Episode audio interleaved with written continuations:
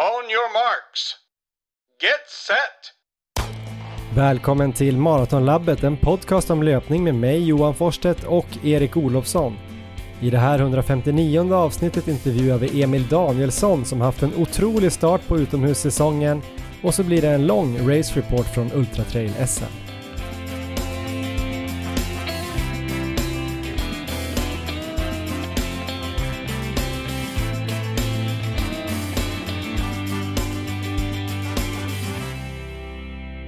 Ja, men då drar vi igång avsnitt 159 av vår podcast Maratonlabbet som vi drog igång i januari 2018 och då som nu är alltså jag, Johan Forsstedt, som pratar med dig, Erik Olofsson. Hur är läget med dig? Känner du dig fem år äldre än när vi började? Eh, det gör jag kanske, men eh, på ett bra sätt tror jag. Och det är bra här. Jag eh, befinner mig i Dalarna nu på semester. Så idag var jag uppe 05.30 och sen sprang jag ett långpass på knappt fyra mil. Och nu är det poddinspelning och sen i eftermiddag ska jag göra någon rolig aktivitet med Leon är planen. Och Leon gav för övrigt dig ett nytt smeknamn här inför att vi skulle springa Echo Trail. Jag berättade då att eh, ja, om några som skulle vara med i loppet och bland annat då Johan som jag gör podden med. Varav Leon svarar så här, jaha, krampmästaren. Så ja. det, tyckte, det tyckte jag var bra. Hur är, hur är läget med krampmästaren? Ja men det är ganska bra. Nu är jag ju nästan eh, undvika krampmästaren efter Echo Trail 80. Faktiskt. Men du kommer kanske komma in på senare. Ja men eh, ja, jag vet inte. Det kanske inte jättekul men eh, men jag får väl ta det. Leon har ju koll. Så att, eh, har han lyssnat så mycket på podden alltså? Han var ju med i ett avsnitt tror jag 2018 när han gästspelade i fem sekunder ungefär och kom in och kraschade inspelningen där. Men, eh, men han får väl lyssna på det här igen nu så får vi se. Men eh, du levde ju som sagt inte riktigt upp till det här smeknamnet så vi får väl se här. Du, du, har inte, du kan inte riktigt få det än känner jag utan vi får se vad som händer framöver. Men det finns där eh, att plocka fram. Vi kommer nog in på det lite mer i det här avsnittet alltså då vi kommer berätta lite mer om hur det gick för oss på Echo Trail 80 km som ju också var Ultra Trail SM. Det har ju gått typ 10 dagar sedan loppet så ni som följer oss på Instagram vet nog att vi kom 8 och 12 totalt i SM och tog varsin medalj i klassen M40. Men hur fan det gick till eh, ska vi berätta idag. Eh, vi har också en intervju med Sveriges eh, näst hetaste manliga medeldistanslöpare. Emil Danielsson gästar podden för första gången och den vältaliga dalmasen delar med sig av eh, massvis av intressanta tankar och går igenom sitt träningsupplägg Emil eh, som haft en fantastisk eh, försommar här med personliga rekord på 1500, 3000 och 5000 och förra söndagen alltså 5000 på 1313. Gick in mellan Andreas Almgren och Anders Gärderud på Sverigebästa listan. Vi kommer också prata med en än så länge inte lika snabb löpare Kajsa Borman som vi tränar inför Ramboll Stockholm Marathon. Eh, hon är med och pratar tyvärr då lite om en känning i vristen. Så det blir nog lite snack om hur vi tycker man ska tänka när man åker på en eh, skadekänning också. Och förutom då det samarbetet med Ramboll Stockholm halvmaraton så har vi också samarbete med Adidas och Löplabbet som ger oss möjligheten att lägga en, en del tid här då på podden. Adidas är ju aktuella med släppet av eh, Adizero Boston 12 som ni exempelvis kan köpa på Löplabbet men där har de också släppt två nya högintressanta distansskor. Mer om det lite senare. Nu börjar vi med en återblick på vad som har hänt eh, sen senaste avsnittet för två veckor sedan. Eh, vi ska då kanske framförallt prata om Ecotrail 8 i. Många har ju efterfrågat eh, race reports och även om det har gått lite tid efter loppet så, så kanske vi kan eh, återuppliva några både glada och jobbiga minnen då från, från eh, vad blir det? För, förra lördagen blir det alltså ja. tio dagar efter man lyssnar på det här. Vi kanske också kommer prata lite om hur vi har mått veckan efter. Så först då en race report från Ultra Trail SM Gick av stapeln en väldigt varm junidag i några av Stockholms norra förorter. Starten gick 07.00 från Stora Skuggan då på norra Djurgården. Ge oss en ögonblicksbild därifrån Erik och dra gärna några förutsättningar inför loppet. Ja, nej, men det var massor av folk där vid start för 80 km och sen så skulle det ju vara senare starter också i lite andra klasser. Det var 45 km och 33 kilometer och även några kortare distanser så att banorna skulle sen gå ihop på slutet men eh, det var ju ett stort gäng som även stod där vid start för 80 kilometer. Och eh, ja, det var en trevlig stämning helt enkelt. Det var, det var ganska varmt redan där vid sjutiden så man förstod ju att det skulle bli en väldigt varm dag. Men träffa dig Johan, du såg eh, taggad ut. Mm, jag var peppad. Det kändes kul att uh, få göra den här utmaningen. Jag hade haft en bra morgon faktiskt. Åkt lite um, sån här elsparkcykel. Det var en höjdpunkt från lägenheten till uh, tunnelbanan. Helt ja. själv då och uh, träffade bara sån här Ja, dels um, ja, men sådana här som gled hem från krogen mötte jag på min elsparkcykel och jag eh, körde runt i min Ultra Trail klädsel. Det var någonting härligt i det. Skön kontrast. Ja, nej men jag tänker vi kan köra den här race-reporten i tre delar där, så mm, tar vi den fram till 24 km först, för där var det en vätskekontroll och därefter eh, kör vi fram till 49 km, en ny vätskekontroll och sen tar vi oss in i mål vid 80 km så kan vi ta en del i taget och våra, eh, ja, vad ska man säga, våra upplevelser så jag kan eh, starta med min eh, första del där, mina 24 km. Det hände en hel del där faktiskt. Men eh, i början så startade jag efter min plan och det var att springa rätt hårt där det var platt och lättsprunget. Jag är ju extremt dålig i trail, så att jag tänkte att när jag väl kom in i skogen så kommer jag ändå inte kunna ligga på och springa speciellt fort, så det kan jag göra däremellan. Ehm, så jag tyckte att jag öppnade ganska snabbt, men jag var ändå inte på topp 10, utan det var några i täten som försvann iväg riktigt fort där. För mig kändes det väldigt kontrollerat och där det blev stökigt med träd och stenar och rutter, då tog jag det väldigt lugnt. Och sen när det vart plats så låg jag på.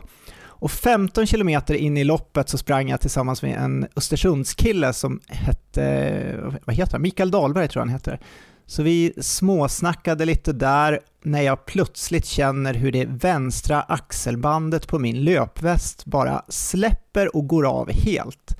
Så flaskorna då som jag har på ryggen i den här västen, de ramlar och rullar iväg på marken så jag får stanna och plocka ihop allt och bandet har verkligen gått av helt. Så jag står där och funderar på vad jag ska göra, om jag ska lämna allt, men det kan jag ju inte göra. Dels av miljöskäl, men också då att reglerna säger att jag tror man ska ha med minst en liter i behållare.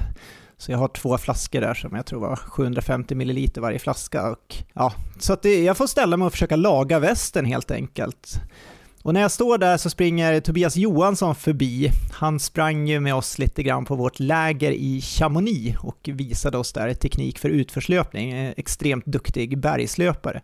Men han passerar här i alla fall och eh, ja, jag får stå där och till slut har jag i alla fall lyckats knyta ihop någon slags provisorisk lagning så jag tror det tog ungefär tre minuter. Och jag tänker när jag sätter på mig västen att det här kommer aldrig fungera. Men jag testar och den sitter snett och skumpar i allt när jag springer men sitter ändå på plats. Så det känns lite grann som att den här lagningen kan släppa när som helst men det är inte så mycket att välja på så att jag får springa på i alla fall. Och det är lättsprunget sen så att jag öser på i ganska bra fart och jagar Tobias då som jag ibland ser långt framför mig när det är sådana här öppna partier.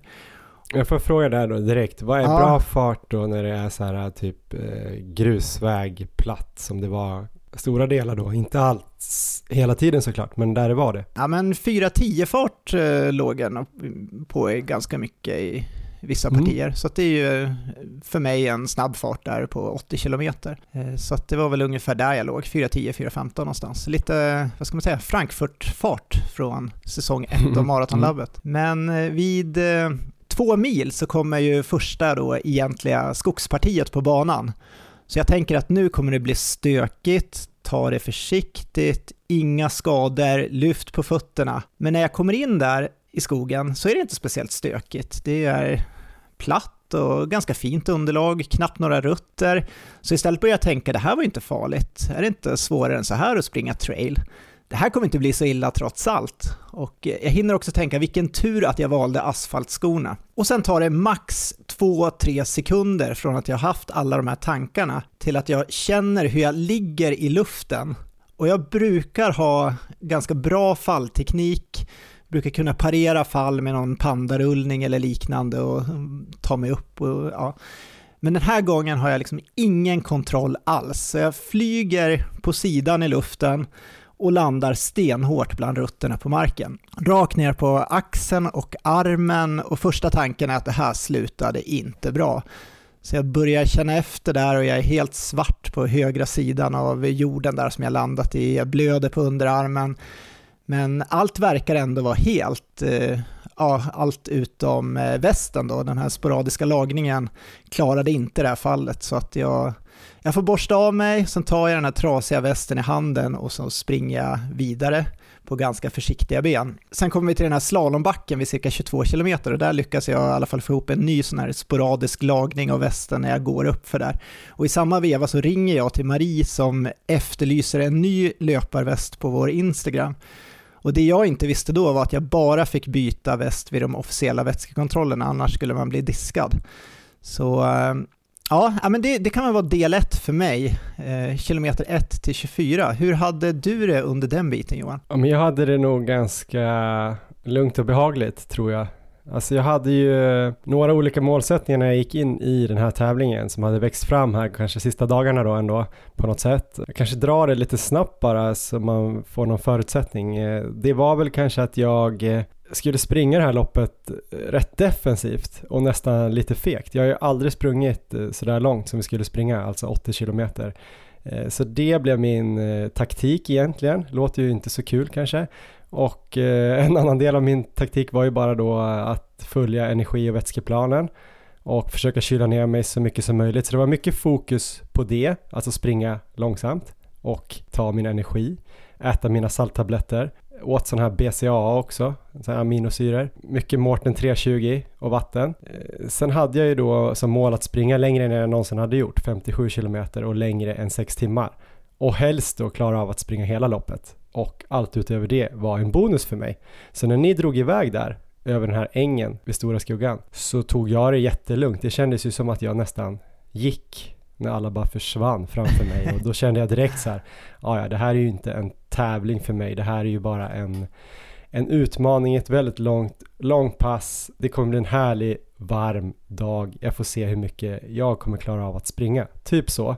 Så första delen blev ju väldigt så här, jag sprang med pulsband och eh, försökte hålla mig i zon 2 hela tiden. Så jag sprang väldigt mycket styrd av ja, dels vad pulsen sa men också då kopplat till intensiteten, alltså känslan lite grann. Kunde till och med gå kanske i någon backe redan då, bara för att hålla mig nere då och se att jag eh, ja, men höll mig i, i schack så att säga. Så att eh, jag vet inte, det var ganska tråkigt i början för att alla sprang iväg. Jag höll min fart, hamnade någonstans i någon marschtakt, låg väl ganska, det var inte så många som sprang om. Jag sprang inte om så många första kanske 15 kilometerna i alla fall. Eh, sen började jag väl plocka någon typ så här som hade lite problem. Alltså Lisa Ring var ju med. Hon är jätteduktig ultralöpare. Hade väl ingen bra dag alls. Jag tror hon bröt senare. Kom ikapp henne. Hon var väl rätt besviken då i alla fall. Så var det väl någon som i och för sig kom ikapp mig, Sofia Smedman var väl en av favoriterna. Hon hade Just också det. haft problem med mm. västen mm. i början sa hon då. Hon kom ju efter mig då och sprang i en jäkla fart. Jag tror hon var lite stressad då för att komma ikapp. Men jag tror också att hon bröt sen då. Jag har inte hört exakt eh, hur det gick. Men lite så var det. Jag bara tuffade på kan väl säga. Eh, Daniel Westergren, han eh, ultralöpningsoraklet som ja. har varit med i podden och har väl Ultraaktuellt-podden och åker runt och är jätteduktig speaker på alla de här loppen. Han träffade jag på på några ställen han hade väl åkt runt med bil och kollat in då hur det gick för täten. Så alltid när han precis skulle hoppa in i bilen och åka till nästa ställe, då kom jag så här. Tjena Daniel! Så här, och så var jag helt så här.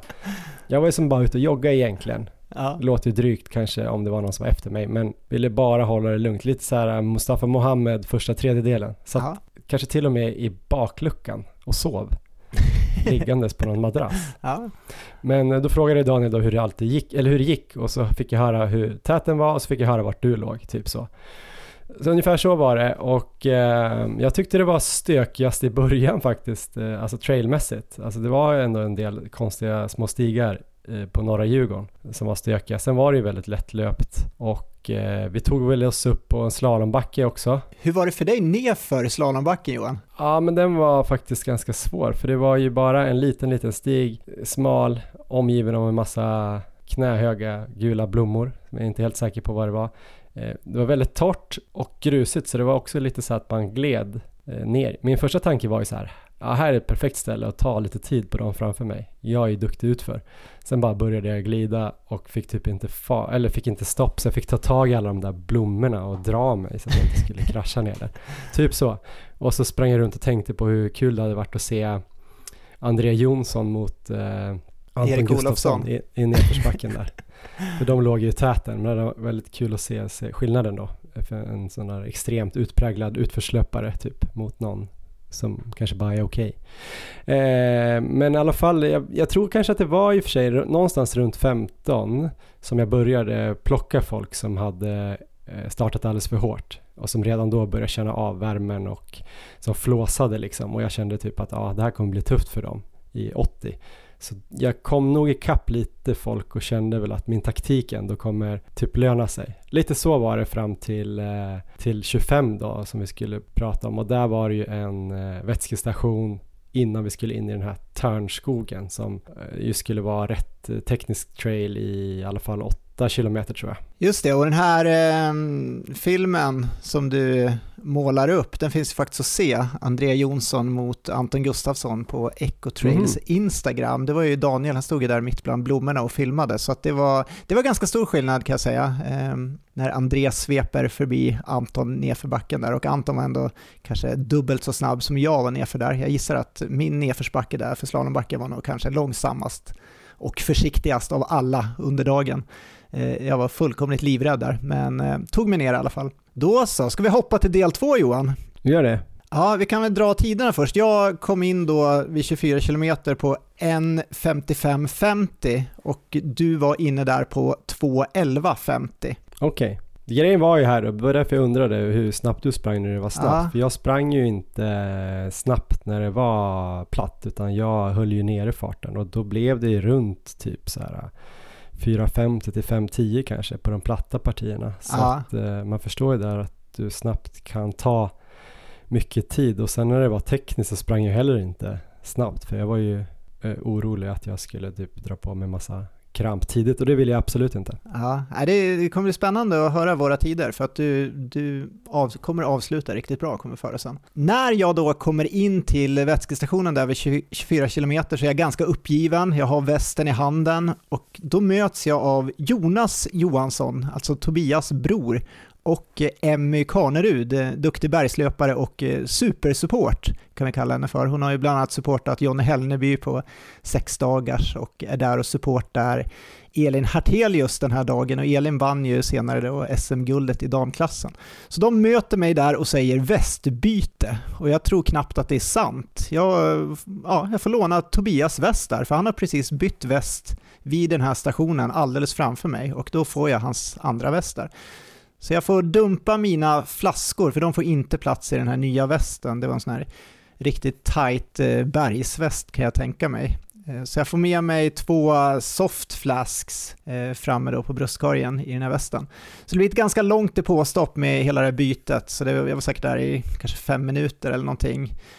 Eh, men eh, är ju helt nöjd, för nu är jag ju på något sätt tillbaka i loppet. Jag var lite uppgiven där innan när jag kommer in med trasig väst, men nu känns det som att eh, ja, nu kör vi på igen. Och under den här tiden kommer också min kollega från EM-laget i 24 timmar in, Bill Öster. Och han är en riktigt duktig traillöpare och kanske framförallt på ännu längre distanser än den här dagen. På typ 100 miles har han gjort fantastiska lopp på slutet. Men jag vet där att han är bra i skogen och nu startar det ett parti med bara trail. Så jag försöker där ta rygg på Bill. Och jag springer det snabbaste jag kan samtidigt som jag gör allt för att undvika att ramla. Så det var nog inte speciellt vackert om man stod och kollade där när jag springer förbi. Och när det är nedför så tappar jag på Bill och när det är uppför så tappar jag också. Men när det blir det minsta så här lättsprunget då öser jag det jag har. Så att då springer jag i kapp så att jag lyckas ändå eh, hålla honom så här inom eh, synhåll där. Så det är kanske en mil ungefär som vi springer genom eh, skogspartiet mer eller mindre där. Och därefter blir det till min glädje plötsligt lättsprunget. För jag känner mig ändå pigg och benen känns bra och det är ju varmt men eh, det känns inte ohanterbart.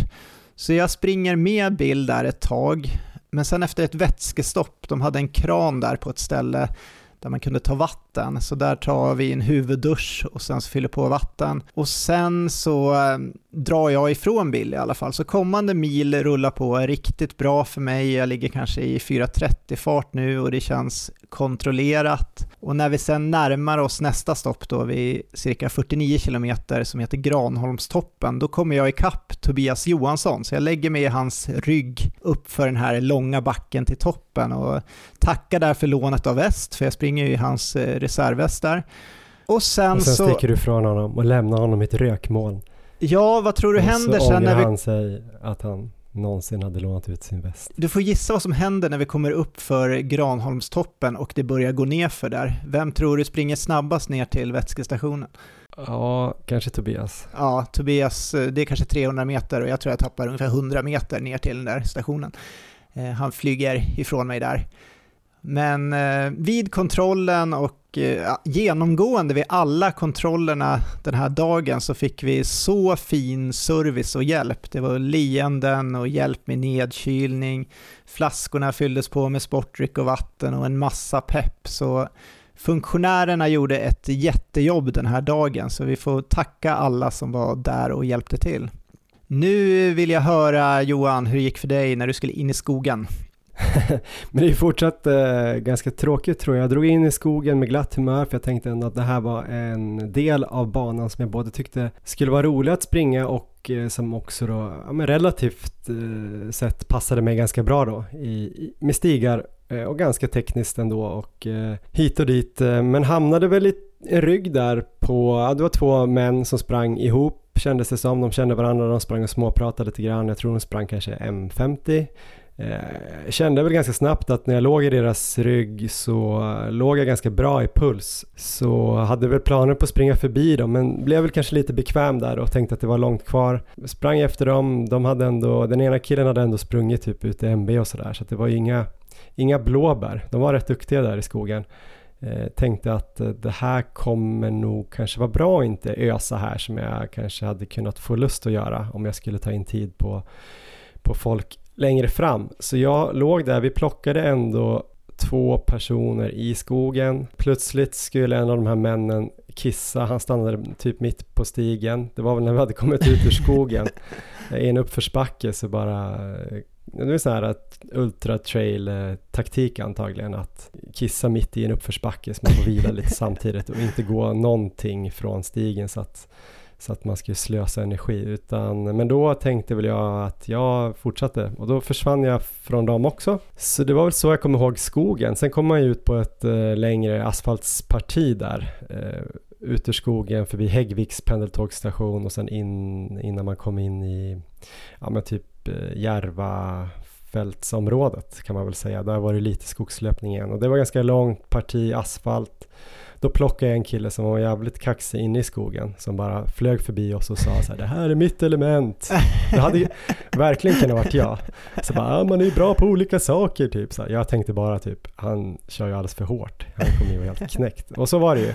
Så han joggade förbi och så sa jag väl något snällt om att, ja ah, men det kanske kommer mer skog här framme, då kan du springa om mig igen. Han bara, ah, lätt. Men sen vet jag inte, jag såg honom inte mer.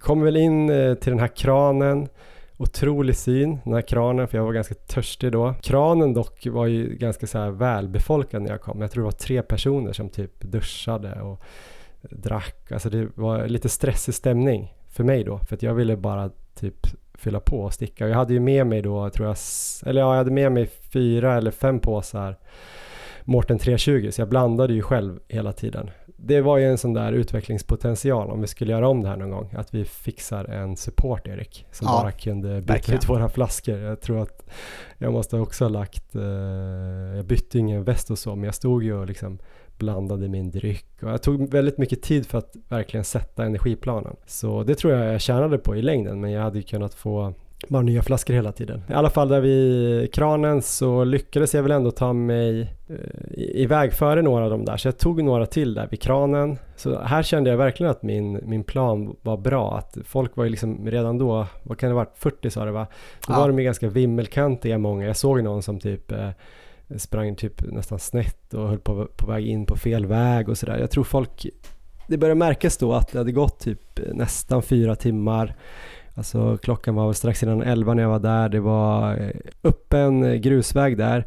Så solen låg på så det var riktigt, riktigt varmt. Eh, men höll väl min taktik där med, med, med pulsen och sprang på de där grusvägarna ganska lätt och ledigt men då såg jag ändå att det var snabbare än de jag sprang nära vilket var skönt och plockade två till ganska snabbt efter där när man kom in i ett annat skogsområde men där det fortfarande var mysig grusväg. Där började jag faktiskt tänka också på det här med att jag förstod lite varför man gör 24 timmars runt runt på en bana faktiskt. Det har jag alltid tyckt varit sjukt. Jag har alltid tänkt Aha. så här, men om jag ska springa ultra så ska jag springa på en lång bana. Men det som är lite tråkigt med att springa ultra på en lång bana är att man kan ju hamna väldigt stora delar helt själv och springa och ingen som hejar. För det var ju liksom ute i Järvafältet, man mötte ju folk som kanske sa heja typ, som hade fattat att det var något lopp. Men det var ju som ingen publik och det var ju som långt mellan stationerna. Där fick man ju som du sa väldigt mycket energi, både att man fick energi att äta och dricka men också av att folk jublade och så. Men, men eh, det var liksom så här, ja men där framme, en kilometer fram verkar ju vara någon som jag kanske kommer springa om, om typ eh, 10 minuter. Typ så. Och så händer det inte så mycket. Och då fattar jag om man springer 800 meter runt, runt, då får man ju liksom eh, se löpare hela tiden. Man springer om löpare, man kanske pratar med någon löpare, man får support av sin support, man får hejarop av alla andra supporter antar jag. Så eh, det kan jag faktiskt förstå, den sociala biten med typ 24 timmars. För jag antar att det är så. Ja, men så är det Johan och eh, ja, det ska bli spännande att se dig där så småningom. Eh, jag, så, jag såg att du sitter och, och dreglar lite i mungipan ja, här nu när jag börjar snacka om det här. Ja men så var det i alla fall och så den här Granholmstoppen eller vad den heter. Ja men, men där, det gick väl ganska bra upp och ner. Och just under den här perioden, jag hade ju en del, någonstans där, kanske innan 25 faktiskt, så började jag, ha, fick någon tanke om kramp. Och det tycker jag alltid är olycksbådande. För jag tänker ju att jag får jag liksom framkallar krampen genom att jag tänker på det. Så jag försökte slå bort alla de tankarna. Men, men jag kände så här att jag hade sprungit typ eh, över tre timmar, kanske så här över en mara och sådär, så blev det hela tiden mindre och mindre tankar. För då tänkte jag så här, nu är det ju lugnt, nu har jag ändå sprungit så pass långt att det skulle vara okej okay att få kramp någon gång. Och då ja. släppte det där ganska ordentligt, så jag kunde väl verkligen eh, slappna av och tuffa på där. Så att, eh, ja men fortfarande ganska så defensivt, fegt, eh, men eh, någonstans vägvinnande. Jag tänkte på Jonas Lundmark som vi båda känner har sprungit med i fjällen någon gång. Han brukar ju säga någon, han citerar någon, han säger typ eh, Never rush, always move, typ när man rör sig i, på långa strapatser i fjällen.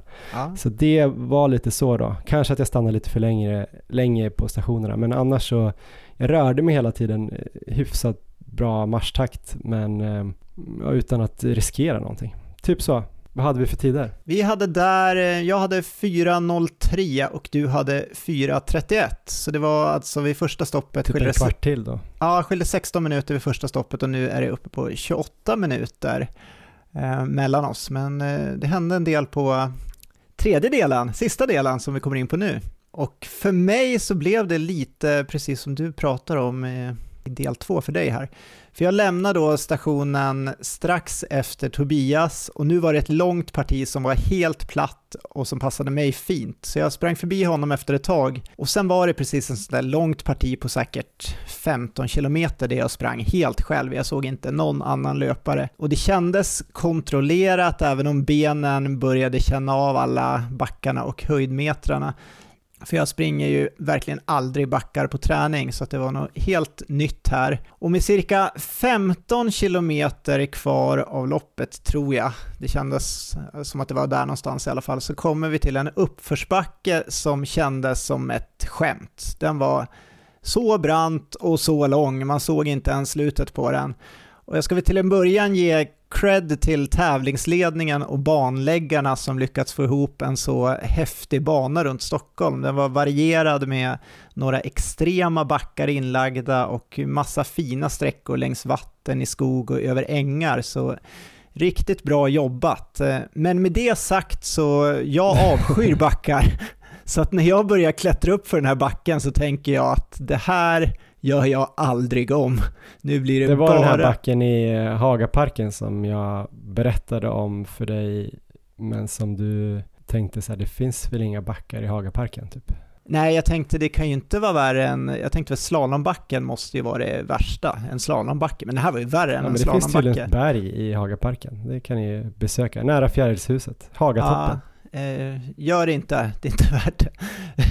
Men eh, känslorna jag har där i alla fall att det här gör jag aldrig om, de stärks liksom hela vägen upp för den här backen och jag är väl någonstans i mitten på backen i alla fall när min klubbkompis från Mantra, Louise Jernberg, plötsligt flyger förbi mig. Hon vann SM-guld i 33-kilometersklassen och här har banorna gått ihop så att eh, vi springer tillsammans då och hon bara flyger förbi mig. Det var oerhört imponerande att se. Så eh, jag fortsätter gå med händerna på låren och hon försvinner upp där och till slut så har jag i alla fall tagit mig upp eh, sista biten för den här monsterbacken. Och efter det så går det först ner för lite och sen så blir det platt och lättsprunget. Så min första tanke när vi kommer till, in till den biten är ju att bra, nu kan jag börja ösa igen.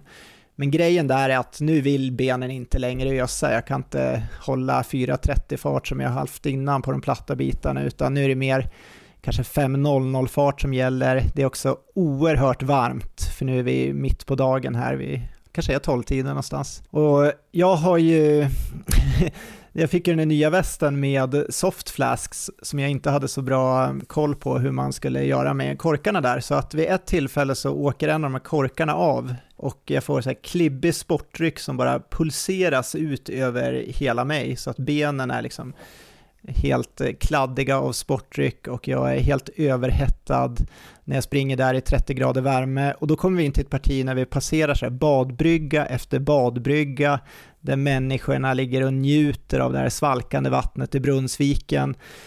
Och där står vår gemensamma vän Karl Avedal och eh, hejar och filmar, så han springer med mig en bit där i alla fall, så det var trevligt och jag säger till honom där att jag kommer nog köra ett badstopp nu. Det får vara värt det, även om jag tappar några minuter. Det kommer ändå vara det skönaste badet jag någonsin har gjort. Så han springer med och filmar i alla fall när jag efter 60 kilometer, eller det måste vara det mer. När var den där backen? Ja men det här var ju efter 65 du badade. Ja just det, så det kanske var 65 där. Så att eh, då viker jag i alla fall av ner på en fullproppad badstrand och tar av mig skorna och sen springer jag ut fullt påklädd bland badgästerna där och faller bakåt ner i det här svala vattnet och får verkligen uppleva ett av de bästa baden i mitt liv. Så vill man se hur den här filmen såg ut så går det att gå in på min Instagram erik.olo så ligger den där. Och därefter var det bara på med skor och fortsätta loppet. Och jag kommer precis ut på banan när Tobias passerar, så att eh, jag tar eh, rygg på honom ett parti tills det börjar gå nerför och då försvinner han ifrån mig igen. Och sen är det bara att kämpa sig i mål den sista biten. Jag hade sällskap en bit av eh, Helena Bjälkemo, så det var riktigt trevligt.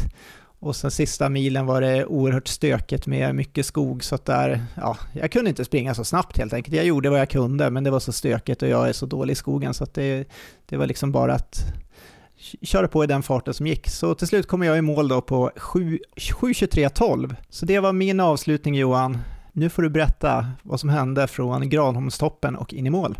Ja men jag jobbade väl på enligt min taktik. Låter tjatigt det här. Men eh, jag sprang ju över Järvafältet där, fortsatt eh, kontrollerat, fortsatte att plocka lite folk, eh, en här och en där. Kom in i Ursvik, eh, sprang där, inte så jättetekniska bitar där, men några stigar i alla fall. Eh, tyckte fortfarande att det var ganska kul att hålla på då, tror jag ändå. Att det kändes ändå ganska bra, att jag kände mig ganska stark, att jag kunde springa Ultra Trail. Kom ur Ursvik in i Ulriksdal. Det var något eh, område där, sprang över E4 igen. Och sen var det en vätskestation där och där var det, det var då precis man började komma in på samma bana som eh, andra distanser då. Och eh, även att man mötte lite löpare och sådär. Och först tänkte jag att det var ganska kul att man fick se lite mer löpare och sen när man hade varit på den där vätskestationen så kände jag så här, men vad kul att det är andra som springer, då får man lite fler ryggar och sådär att gå på. Men sen så tyckte jag nog att det var ganska tråkigt också. Dels tror jag kanske att det kan ha stört lite folk i SM-klasserna. Det är inget klag så här, men jag bara tänkte på det sen att jag har sett lite folk som har skrivit att de behövde springa ut i skogen. För, och det är kanske lite dumt på ett SM just. För mig var det nog mer bara att innan hade jag blivit så himla stärkt av att jag kom ikapp folk och att jag visste att de sprang samma tävling som mig, alltså 80 kilometer. Så varje person jag passerade så fick jag en bättre placering. Här fick jag ju springa om en massa personer och typ så här, man nästan ibland då sneglade på nummerlappen för olika färger ja. typ. Så här, var det där i våran klass? Bara, nej, det var typ 33 eller 16 eller 45 eller vad det kan vara. Så att eh, ganska glatt humör också fram till den där backen. Den var ännu brantare än vad jag kom ihåg. Jag hade ju sprungit den en gång på träning, men då var jag inte lika trött. Framförallt nerför tyckte jag var väldigt krångligt där också. Det var ganska brant ändå. Jag kände inte alls igen mina ben. kunde inte släppa på. Fick springa och bromsa typ. Höll ändå ganska god min i Hagaparken ner där då till eh, den här bullbar och tennisbanorna. Hade ju då sprungit nästan 65. Jag hade liksom kommit över då mitt distansrekord där på 57. Var ganska glad för det. Hade nog där vid 65 börjat komma upp i sex timmar också tror jag. Så jag slog väl mitt andra rekord där då, vilket var ju två stora mål. Kommer in den här, på den här sträckan som du beskriver med en liten sandstrand med kanske 10 000 eh, Stockholmssälar höll jag på att säga. Men det var ju människor som låg... var du? Jag var extremt badsugen. Eh, jag kände också lite det här att de låg och kanske kollade på en och tyckte att man var sjuk i huvudet. Det var inte som att jag kände så här, ja där ligger ni och jäser och här är jag ute och motionerar och är stark. Utan det var mer så här, men fan springer i 30 grader och sol med någon midjeväska och massa flaskor och någon konstig golfkeps. jag hade typ klätt ut mig kändes som. Hur som helst, eh, väldigt, väldigt badsugen. Eh, skippade det. Kändes kanske dumt så här efterhand. Även om man tappar några minuter på badet kanske man hade avslutat bättre. Vad vet jag. Jag var i alla fall, började bli ganska less där och i efterhand så tror jag att det hade att göra med just att jag hade slagit de här 57 kilometer och 6 timmar plus att jag då såklart aldrig hade sprungit så här långt någonsin och att det var så jävla varmt. Så jag tror att jag att det var både att jag blev lite less på att springa men också att jag var nog ganska slut helt enkelt. Vilket kanske är eh, ganska naturligt. Men eh, jag kom i alla fall in då eh, i, eh, ja, men på norra Djurgården igen från Haga och Brunnsviken där. Och där hade jag väl bara fått för mig att det skulle vara lite mer lättsprunget. Jag hade inte sprungit sista 15 kilometerna innan. Det var ändå någon typ av styrka att jag hade sprungit första 65 och visste vad som skulle komma. Jag tror ändå att jag gillade det. Men sista 15 var helt eh, osedda för mig så att eh, det var mycket mer trail än vad jag hade tänkt där och när man var sådär trött så var det ju typ det mest tekniska trailern jag någonsin hade sprungit på vissa ställen. Det var ju så här, man sprang typ på skrå i, ganska branta så tekniska steningar med mycket rötter och väldigt mycket så fallna träd som man skulle över och där började jag ändå bli ganska orolig för mina baksidor.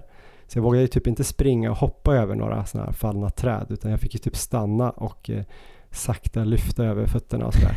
gick ganska bra till eh, 72, där kom man in och varvar vid målet och eh, blev väldigt osäker på vart jag skulle springa. Jag visste att jag inte var i mål men eh, blev lite otydligt och jag var lite orolig att jag skulle springa fel där för då kände jag verkligen att jag orkar inte springa alltså ens 100 meter extra nu.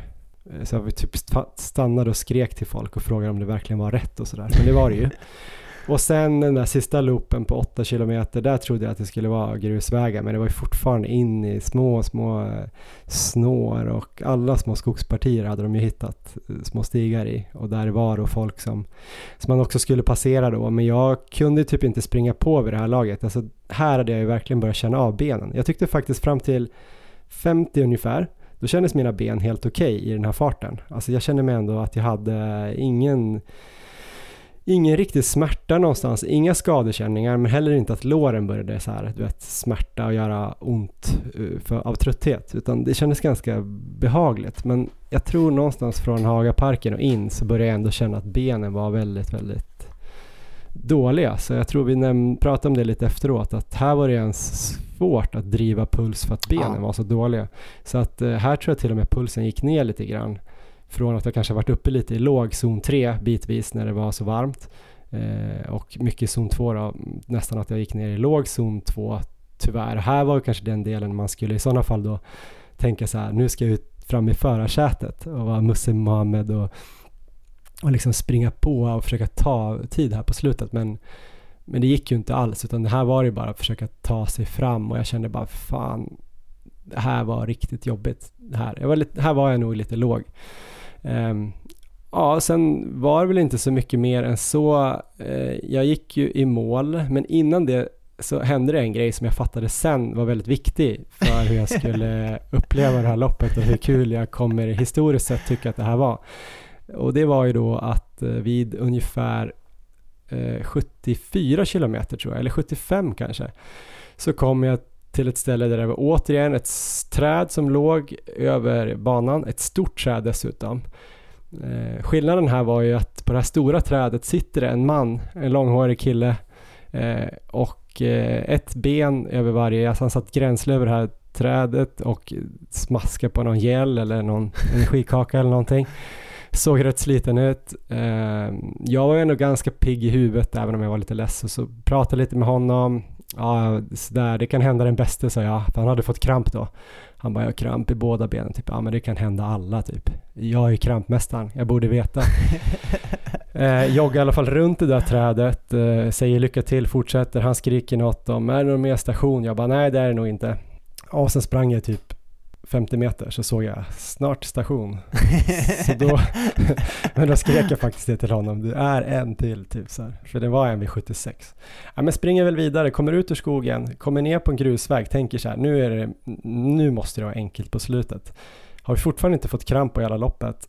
Eh, tänker ner på den här grusvägen, gick lite sakta uppför, hade ingen känning av kramp. Trycker på lite grann, eh, bara för att eh, göra någon snygg avslutning efter typ 200-300 meter så får jag då såklart kramp i ena baksidan. Så jag fick stanna där och stretcha, men det var 76,5 kilometer, så det var ändå ganska godkänt tycker jag.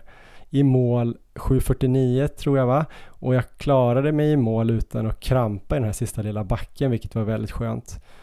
Och eh, ja, men gick i mål ändå under åtta timmar, det var också någon sån där gräns jag tänkte att det, det kanske är rimligt nu när det var så varmt och så första gången på en sån här distans.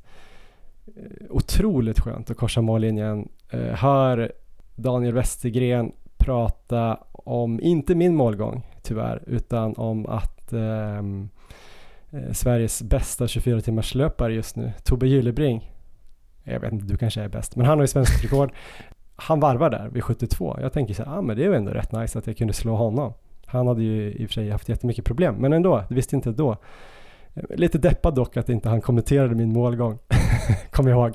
Men plötsligt så säger han i spiken, åh men nu har ju också typ Maratonlabbets Johan Forsstedt kommit i mål och eh, han gjorde det på 7.49 så blev det lite tyst så här. Åh, och med det så säkrar ni också en eh, bronsplats i, i klassen herrar 40. Jag bara, va? Jag trodde det var ett skämt nästan. Men det var otroligt skönt måste jag säga. Ja. Jag som inte tänkte egentligen på placering eller den, den typen av tävling då, SM, egentligen under hela loppet var jag ändå otroligt stolt och glad att jag, att jag kom in. Jag fattade inte vad som hade hänt. Jag trodde kanske att jag var typ 10 i herrar 40 och 35 totalt eller någonting. Men jag var väl 12 av herrarna då. Och ännu roligare är ju också då om vi sen berättar vem som kom fyra i M40. Ja, för fyra var ju då den här äh, stiliga herrn eh, som satt gränsle på det här tjocka trädet eh, som jag sprang om då med fem kilometer kvar eh, som hade då jätte, jättemycket kramp. Så här kanske vi har någon sorts vändning då. Att kanske krampmästar-epitetet som jag har fått av Leon, ja. det kanske jag lämnade över där till den här killen. Ska vi hänga ut honom med namn? Han var väldigt, väldigt trevlig. Ja. Patrik Södergren. Patrik Södergren. Värmdö SK tror jag. Jag slog honom med två minuter då för att han satt och vilade på den där stocken. Nej, men det var jätte, jättetrist för honom såklart. Men han var ganska glad ändå och eh, såg otroligt stark ut. Var ännu långhårigare än jag också. Han hade det nog fint. Han skulle på barn, barnkalas efteråt. Det var nog värre tror jag än att han fick stryk av mig. Ja men så var det lite grann. Och eh, så fick jag reda på att du hade vunnit Herrar 40 och eh, det var ju jäkligt kul. Ultra Trail-mästaren eh, kanske du ska heta då. Du är ju en gudabenådad traillöpare helt enkelt. Ja, det är jag ju verkligen inte och det såg jag ju helt klart den här dagen. Om vi skulle bara ta de stökiga partierna så har jag verkligen inte sprungit så snabbt. Men jag tycker det är intressant om vi då kollar sluttiden här. Eh, för jag hade alltså 28 minuter till godo på dig där vid Granholmstoppen vid 49 kilometer. Men i mål så är det bara 26 minuter. Så du mm. pl plockar på mig under de sista tre milen och då vill jag ändå säga att jag tycker att jag har ganska bra uthållighet och eh, borde stå distansen. Ja, tränat en del, borde stå distansen riktigt bra. Men eh, du tar in på mig under de sista tre milen på det här loppet. Så äh, ja, jag är... Det är bisarrt. Jag vet inte hur länge du badade i och för sig. Nej, det var, det var några minuter, men du stod ju samtidigt, du hade kramp ett tag. Så att, eh, ja, extremt bra lopp, bra upplagt och eh, en otrolig avslutning. Så din slutsats kommer vara nu att jag måste börja med typ 100 miles eller någonting? Ja, det, jag förstår att det är många lyssnare nu som kommer bli ganska oroliga här. Eh, att du nu kommer börja springa bergsultror och liknande. Och eh, jag skulle kunna tänka mig att det kommer komma någon sån också framöver. Du har uppenbarligen väldigt bra talang för det, men eh, vi kommer, vi kommer även fortsätta att bevaka kortare sträckor och även komma till start på några sådana lopp. Men eh, jag, jag, är inte så förvånad. Jag hade väl ändå sagt lite att jag trodde att det här skulle hända innan, att den här distansen skulle passa dig väldigt bra. Och eh, även att du då får kramp så sent som du får, att du kan springa så länge. Jag har varit inne på det för några år sedan, att jag tror att det är när du hamnar högt i puls under en längre tid i loppen, att det är då krampen kommer. Och på de här distanserna så kommer du aldrig få chansen att hamna i det, för att benen kommer ändå bli så slitna, precis som du är inne på där, att... Hade ju kunnat hänt i början om jag inte hade eh, justerat farten väldigt mycket. Ja, att du hade hamnat i puls ganska länge där ja. Så det är det ju. Ja, eftersom det var så varmt och man var sugen på att springa i skogen och sådär. Jag tror det var många andra som gjorde det. Jag tror många som kommer säga sen, ja men det var alldeles för varmt för mig eller så här, det var, jag passar inte att springa i, i värme och så. Det gör ju verkligen inte jag och säkert inte du heller. Ingen gör väl det riktigt om man inte har vuxit upp i det hela sitt liv. Så att jag tror att de som tyckte så gick nog för hårt helt enkelt. Ja, men det hade inte varit ologiskt om du hade fått kramp tidigare i det här loppet med, med tanke på hur tufft det var och hur varmt det var, men du springer ändå oerhört långt utan att få det, så det, det tycker jag verkligen du ska ta med den här dagen. Nu får vi hoppas att krampproblemen är helt borta på alla distanser. Det vore ju fantastiskt, men det, vi får se när vi kommer till Lidingö senare i år. Jag tror, jag får, jag tror att, eh, som du är inne på, jag kanske är helt okej, okay, eh, alltså i mina mått mätt, på sträckor upp till, alltså när man springer ungefär en timme lite drygt eh, som halvmaraton, då kan jag ligga högt liksom, tröskel ja. eller strax under och sen kanske då, det här säger inte jag själv, det är du som säger, ja. när det blir då lång, långa sträckor i typ zon 2, kanske lite i zon 3, kanske skulle kunna eventuellt fungera. Eh, sen kanske det här mellanregistret som jag är ganska svag då runt när typ eh, energin börjar ta slut och jag ligger liksom, får för lite syre till musklerna då kanske. Att de då inte gillar det, framförallt baksidan då som kanske är en svag punkt, antingen att de är svaga eller att jag springer på ett sätt som överbelastar dem. Så det här får jag jobba vidare på för jag vill ju inte bara springa kortare och längre. Jag tror ändå att jag vill springa typ Lidingöloppet under två timmar och, och maraton under 2.40 någon gång. Ja, men Lidingöloppet är ju ändå ditt lopp på något sätt, så under två timmar där måste du ju. Men det får vi hoppas kommer redan i år. Ehm, ja, så ska vi avslutningsvis eh, eh, sammanfatta lärdomar lite av den här dagen så har jag lärt mig att eh, ja, eh, det var ett fantastiskt lopp, jättehäftigt, men jag har svårt att se att jag kommer springa något trail-lopp fler gånger. Så att det, det var nog jag går nu pension som traillöpare här, tror jag. Jag har sagt det förut, men jag, jag säger det igen. Ja, det är snyggt. Åtta på SM. Bra snitt på dina SM-starter Hur känner du Johan? Ja, men jag tänkte lite på det där under loppet, vad kul att du sa det, att du tänker att jag ska springa längre och sådär och, och, och, lite känslan var ju typ någonstans eh, vid 20 till 30, då tänkte jag typ så här, nej men det här med sådana här långa lopp är inte riktigt för mig för att jag eh, tycker inte att det är så kul att springa så här extremt eh, taktiskt och hålla ner farten sådär. Så att det blir lite segt tycker jag. Att jag inte får springa på typ i skogen och så här som jag verkligen gillar. Att jag gillar att springa snabbt där det är tekniskt. Det tycker jag är roligt. Eh, jag känner mig levande liksom. Här fick jag så, tassa runt typ. Men jag kände samtidigt så här, men det kan nog kanske bli ett lopp per år då kanske som är lite mer en eh, upplevelse eller en utmaning, eh, kanske att man springer 100 kilometer på fjällmaraveckan eller något Kullamannen-lopp eller på sikt någonting nere i, i, i Alperna eller, eller kanske någon så här FKT-grej, liksom att man hittar någon rolig led som man skulle kunna prova. Så tänkte jag någonstans där. Sen sista två milen, eh, mellan 60 och 80, då tänkte jag väldigt, väldigt starkt att eh, aldrig, aldrig, aldrig, aldrig springa så här långt. Det är inte kul, det gör så jävla ont i benen. Och nu kan jag ju inte springa för att jag har så ont i benen. Eh, det här är långtråkigt och segt, typ. Men eh, sen går det lite tid och vi gör den här race-reporten.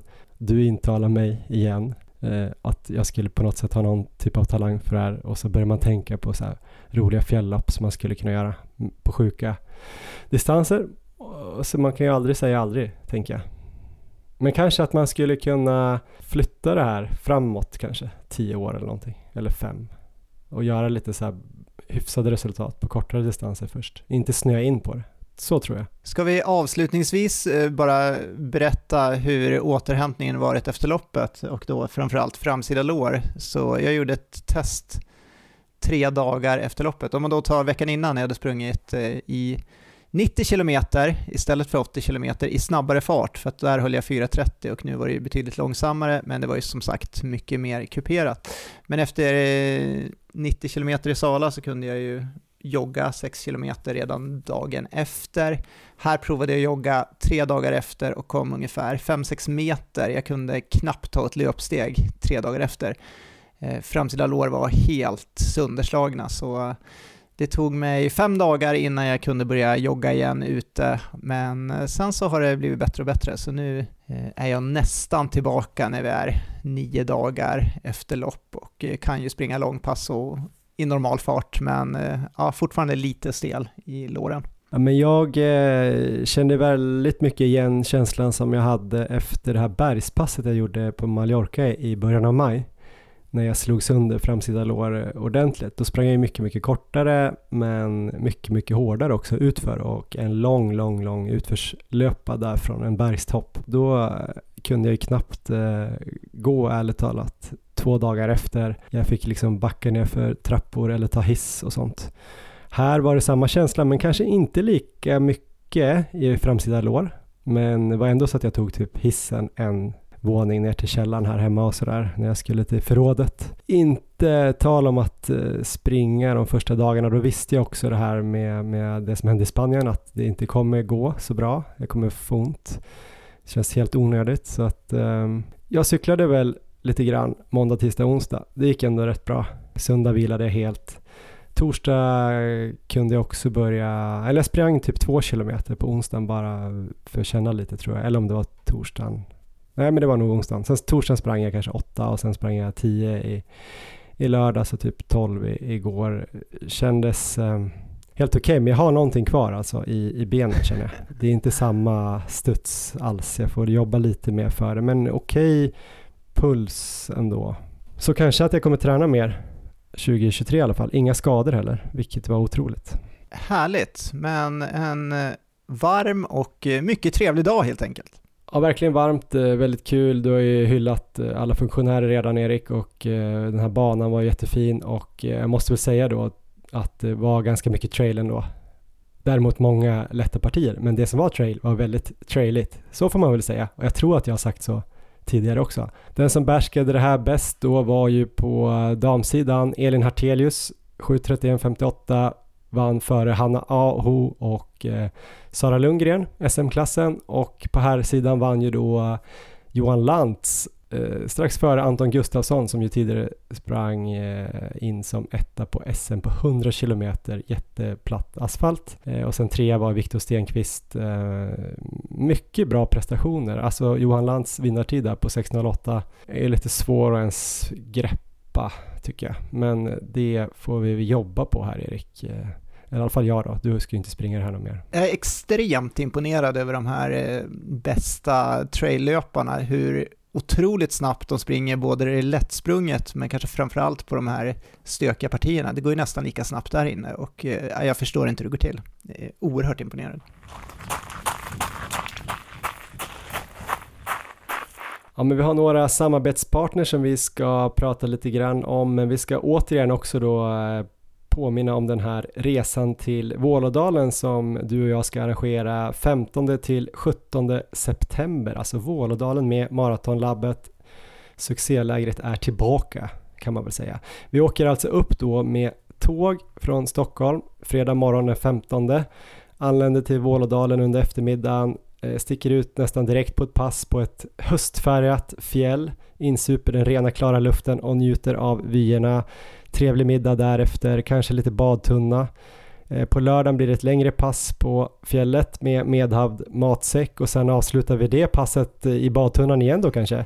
Absolut. På Vålådalens fjällstation, kanske något drickbart i ena handen. Eh, kanske en och annan löparhistoria som kommer ut ur munnen. Kanske en liten inspirerande föreläsning från dig Erik. Ja, vem vet? Det kan det bli.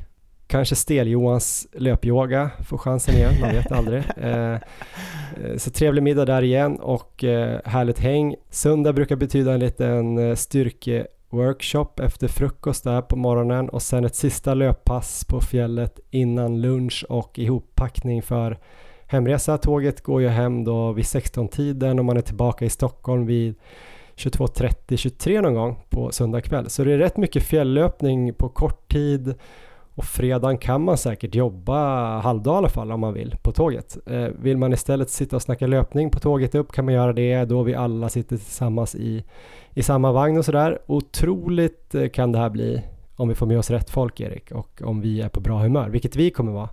Kan man längta efter hösten redan?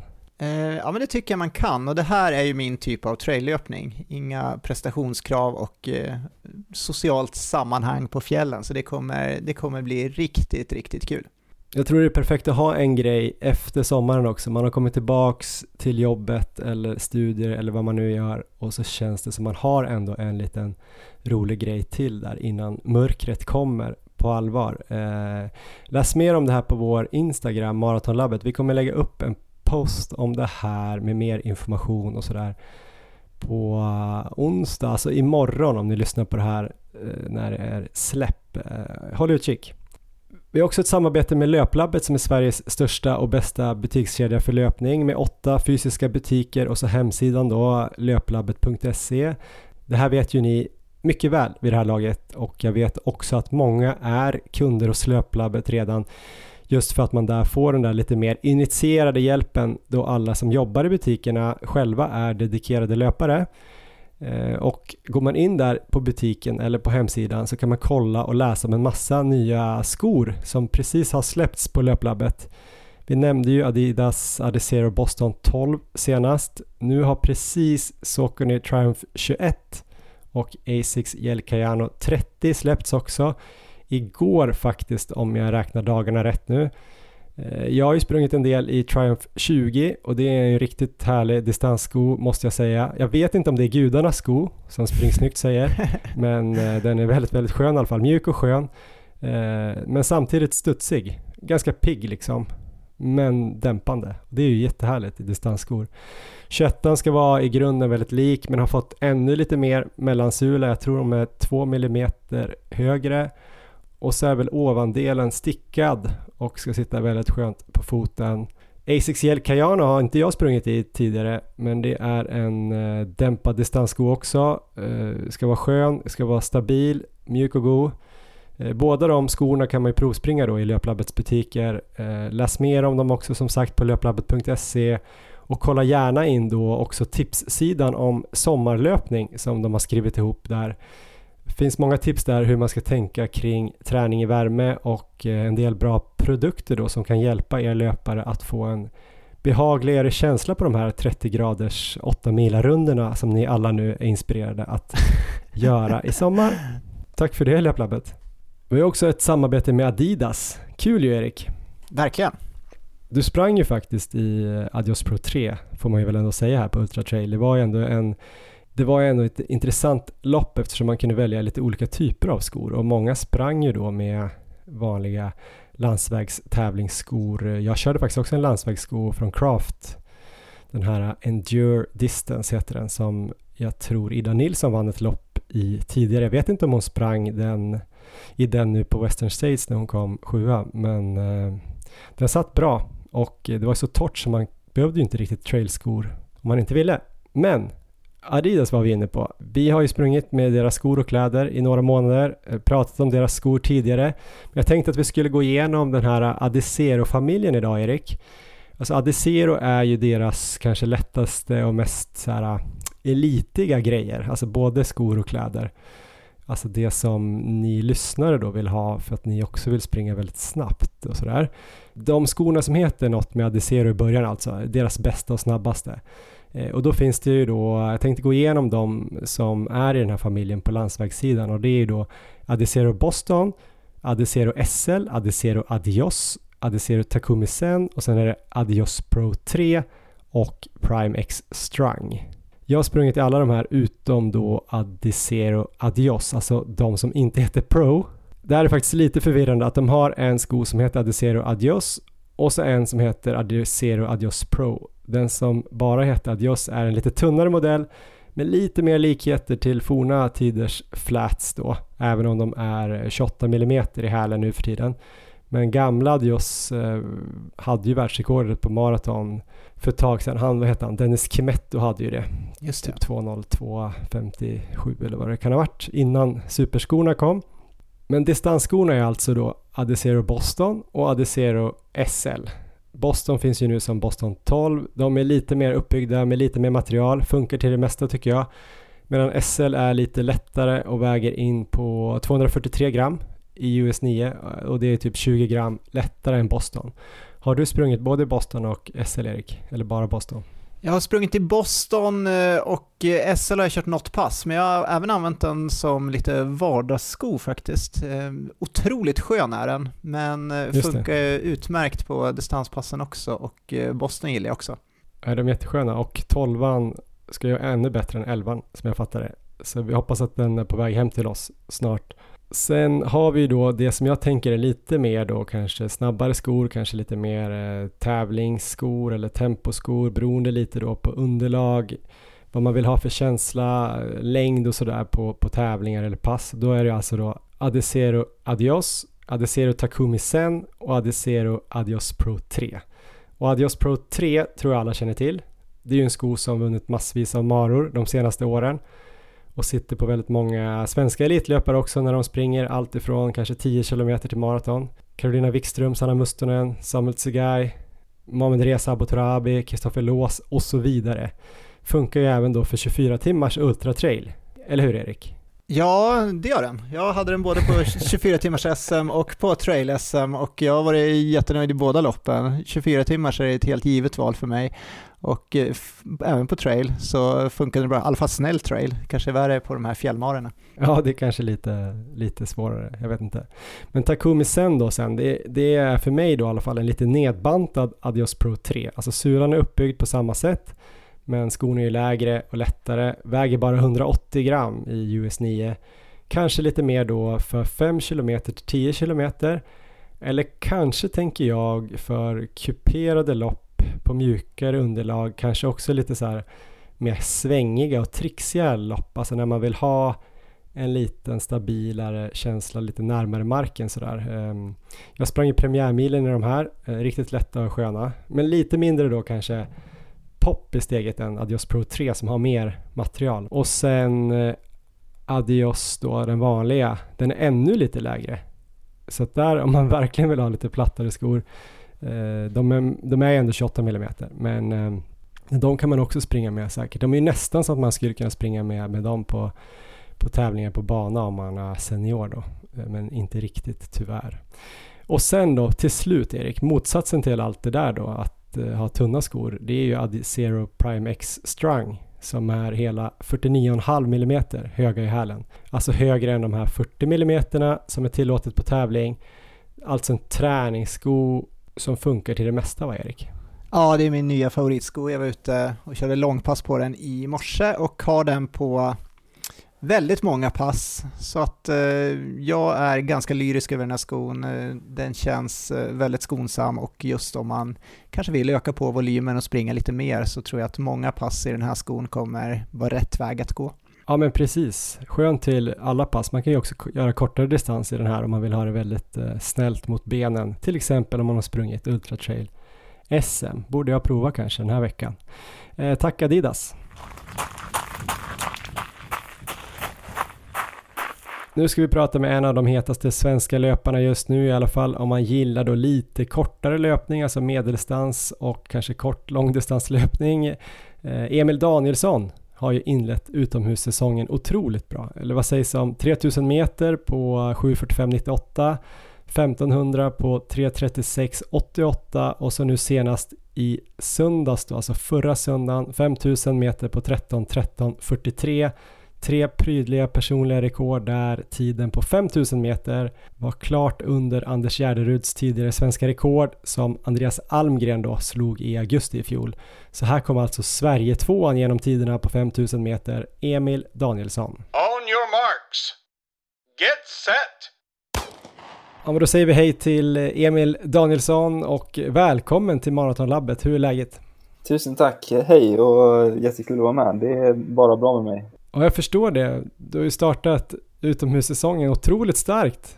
Inom två veckor här i juni har du satt personligt rekord på ja, 3000 meter, 1500 meter och nu senast i söndags på 5000 meter.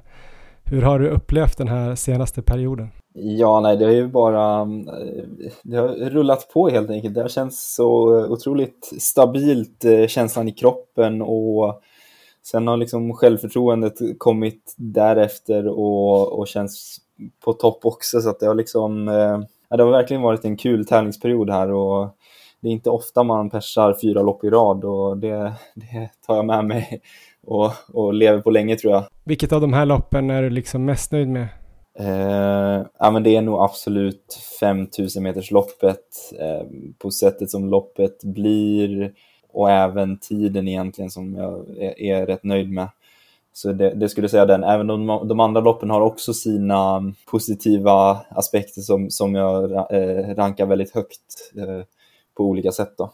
Men om man fokuserar lite då på, på 5000 meters loppet här i, i söndags då. Du sprang ju på 13.13.43 som ju var den näst bästa som någon svensk har sprungit tidigare och det var ju fyra sekunder under den här klassiska svenska rekordtiden från Anders Gärderud som vi har snackat om så mycket de senaste ja, ett, två åren kan man väl säga. När det har funnits så många löpare som kanske skulle kunna slå dem. Nu slår du det fast eh, ja, lite efter Almgren då. Eh, det var pers med sju sekunder 12 sekunder bättre än i fjol. Du slog din pappa Jonnys eh, familjerekord dessutom. Hur nöjd är du med det där loppet egentligen? Eh, nej men jag är alltså det var nog så nära liksom ett perfekt lopp den dagen som jag skulle kunna få till så jag är otroligt nöjd och, och någonstans i synnerhet för att det är 5000 som jag har haft lite som den svåraste distansen att få till tidigare även om det kanske är det jag har sett framför mig som min eh, bästa distans också eller som den distansen jag satsar på mot mästerskap och sådär. Så det var fantastiskt att få den här känslan att liksom allt stämde på, på dagen och, och just det där att jag, jag fick jobba mycket själv och det visar någonstans att jag liksom har kapaciteten att hålla ihop det ett helt 5000-lopp och inte, inte få någon svacka någonstans egentligen och det, det är väl det jag tar med mig allra mest, att jag klarade de där sista 2000 helt utan en, en enda djup svacka egentligen. Hur har det varit tidigare då när du har känt att du inte riktigt har fått till det? Eh, nej, men jag har gjort många försök eh, genom åren och liksom varit... Det har varit lite för mycket anspänning inför, haft lite för eh, specifika och lite ja, fel eh, fokus kanske, lite fel målsättning och så. Och då har det blivit att det eh, nästan mentalt har låst sig lite grann att jag har det har känts bra i två, tre kilometer men sen har jag liksom tappat det helt den fjärde kilometern och sen i slutskedet av loppet känt att det finns ju jättemycket krafter kvar att kunna avsluta ganska bra men, men inte fått ihop liksom, lyckats knyta ihop säcken för att få de här riktigt bra tiderna. Uh, och det, det började väl bli bättre redan i fjol där när jag gjorde 13.25 och 13.33 eller vad det var men, men nu känns det som att jag har lite knäckt koden och vet, vet hur min kropp uh, funkar bättre och jag vet hur trötthet ska kännas och jag kan klara av att slappna av och tro på, på min kapacitet på ett annat sätt. Men det här du pratar om med, med anspänningen inför loppet och kanske lite fel typ av målsättning. Det låter jättespännande. Hur har det varit innan och vad har du förändrat? Eh, jag vet inte om jag har inte så här förändrat någonting så specifikt, men det är väl lite det här att jag har landat någonstans i att jag, jag tror verkligen på träningen som vi gör nu och jag har känt, känt att det har gått framåt, fått en bra bakgrund så, och då har liksom självförtroendet vuxit med den processen också. Och, och någonstans så tror jag att jag hade en ganska bra fysisk kapacitet redan för ett par år sedan och hade kunnat göra bättre tider redan då på 5000 också, men, men att jag liksom ja, men, tvivlade lite för mycket inför vissa lopp och, och gjorde att jag eh, inte, inte trodde att jag skulle kunna göra det helt enkelt och då, då är det nästan omöjligt att springa riktigt bra om man inte verkligen tror på det själv. I loppet i söndags då hade du väl hjälp med, med farthållning upp till 3000 meter och där hade ni åtta blankt och sen som du sa då var det 2000 meter solo eh, där du gjorde, vad var det, 2.37, 2.36 kilometerna? Eh, ja, det var något sånt. Jag såg någon som hade tagit tid och då var det liksom någon sekund snabbare för varje kilometer genom hela loppet. Så det är liksom okay. helt, helt perfekt egentligen. Så det var, men det var nog som du säger 37-36 på de två sista. Och det var ju egentligen helt perfekt farthållning de tre första kilometrarna in till 8.00 och sen där någonstans så var jag liksom i, i valet och kvalet om jag skulle våga gå för en riktigt bra tid eller om jag eh, skulle eh, ja, men fega lite och backa tillbaka och bara fokusera på att försöka vinna loppet. För, för jag, vi höll på att tappa haren där ett varv innan han klev av. Men sen så, som tur var så bestämde jag mig där och då att nej men det var, tanken var ju att försöka att gå en bit under 13.20 idag och då liksom kände jag att den chansen höll på att rinna iväg där, men jag valde att gå upp och, och var beredd att köra fem varv ensam då, för jag kände att det var det som var risken om jag gick upp och, och körde redan då. Och det är du ganska nöjd med, det beslutet, nu i efterhand? Eh, ja, verkligen. Det var, eh, det var, det var, jag tvivlade många gånger även under de sista fem varven, men det var ändå, det var nog det att jag, jag såg ändå att varvtiderna fortfarande höll sig på rätt sida 64 sekunders gränsen hela tiden och då det fick jag extra eh, extra krafter av eller extra bra feedback ifrån. För jag, jag var lite rädd hela tiden att nu blev det en 65 kanske. Men det, det, ville, det ville sig och det höll sig på rätt sida. Även fast jag inte direkt reflekterade över farten längre då för då var jag så, så pass inne i min bubbla att jag bara ja, körde det jag hade liksom. Men har du annars eh, några knep eh, eller strategier för att vinna den här eh, mentala kampen? Både och. Ibland, ibland har jag liksom försökt att, att ha strategier och, och ibland så är det tydligt det här att liksom man, man känner hur hjärnan försöker liksom men vad håller du på med egentligen? Du, du kan väl sakta in nu för att det börjar bli riktigt jobbigt och man, man är nära att ta den lätta vägen ut och liksom, ja, men släppa en lucka till exempel. Eh, och då brukar det hjälpa att liksom, eh, fokusera på att ja, ja, men jag klarar i alla fall liksom ett kortare segment, säg ett halvt varv eller ett helt varv till och sen så får jag se vad som händer efter det och liksom nästan skjuta på beslutet så att säga.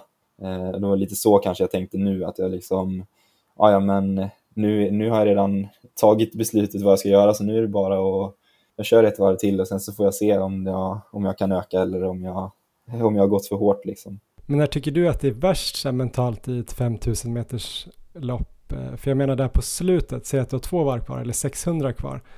Då är det inte så mycket att tänka på. Då har du gjort så himla mycket jobbigt redan. Så mm. är det mm. bara att försöka ta ja, men det mål. är verkligen sant som du säger. Det är, där, där någonstans har man ju kommit över den värsta puckeln i, i kampen så att säga. Och där, men, men det är fortfarande, eh, man kan ju inte slappna av där, men där någonstans så börjar man våga liksom ta alla risker egentligen och, och liksom släppa allt. Eh, tidigare där mellan 3 och 4 kilometer, det är där någonstans det, det liksom tveksamheten ligger ju där att här, det är fortfarande så pass långt kvar och man vill ändå pacea sig själv lite och då kan man lätt använda det som en ursäkt för att ja, men jag är lite för trött nu och måste ta det lugnare kanske. Medan man klarar ju mer än man tror nästan alltid. Men eh, tidsmässigt då, de senaste veckorna här på dina tävlingar så ser man ju att du har fått ett väldigt tydligt lyft. Du är inne på själv att du kanske har kunnat springa fortare tidigare också, men, men det här lyftet, liksom, vad är det som ligger bakom det?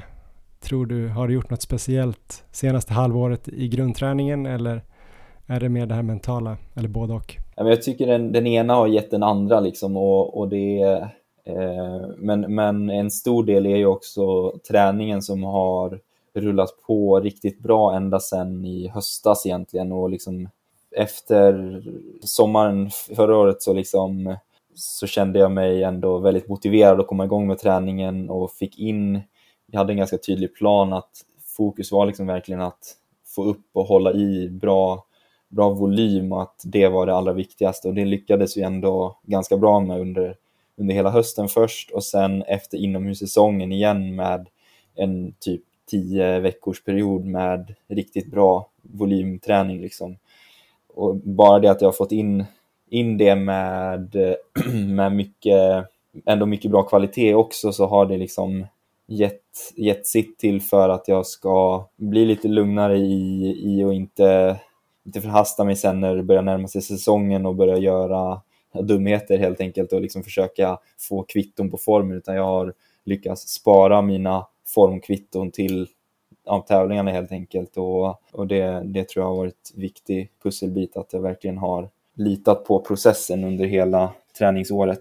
Du tävlar ju för spårvägen och har väl Patrik Kärdal som tränare va? Ja, det stämmer. Eh, och i, i spårvägen som på många andra ställen i Norden nu kanske så handlar det ju mycket om norska modellen där med ganska hög volym och dubbeltröskel.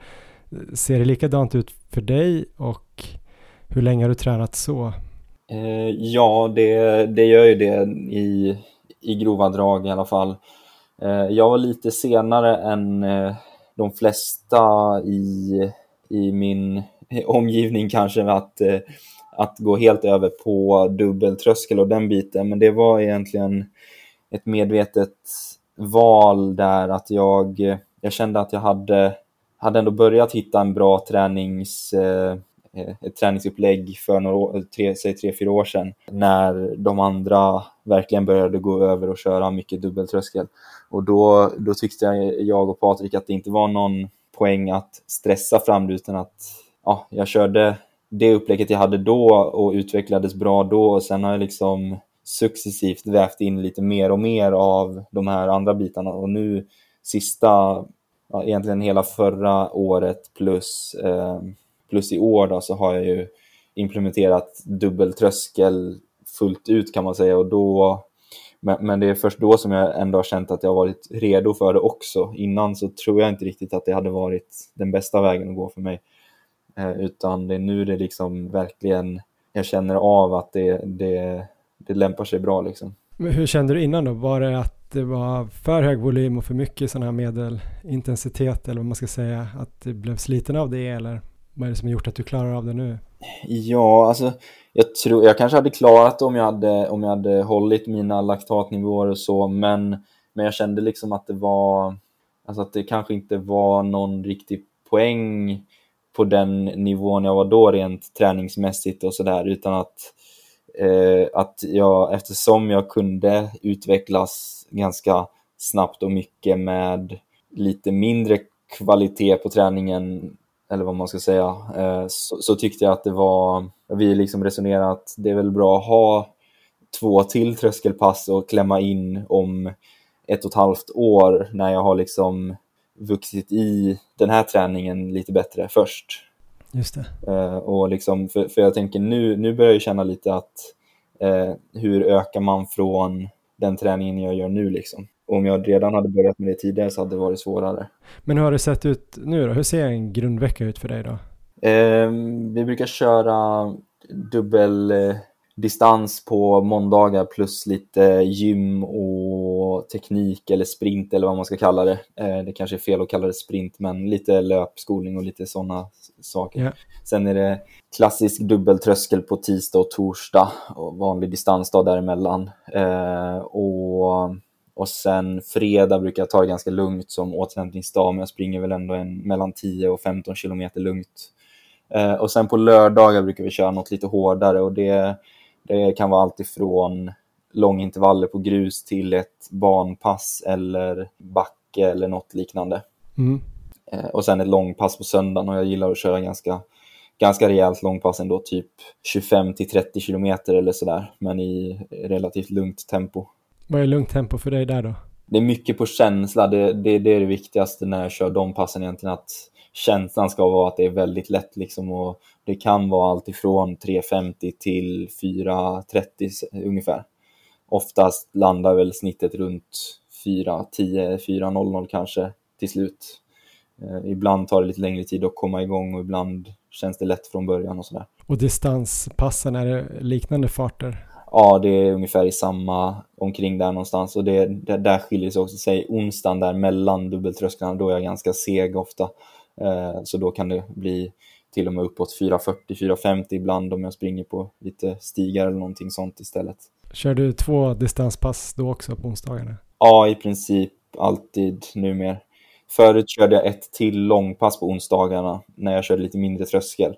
Men nu känner jag att jag är lite för sliten efter tisdagen och vill bli tillräckligt fräsch inför torsdagen. Så då kör jag bara ett, ett eh, vanligt distanspass både på förmiddagen och eftermiddagen istället för 20 kilometer på förmiddagen. Och eh, jag läste någon artikel där att du ville försöka komma upp i 15 mil i, i, många veckor eller ett snitt på 15 mil många veckor i rad. Är det någonstans där du brukar landa eller är det över 15 nu?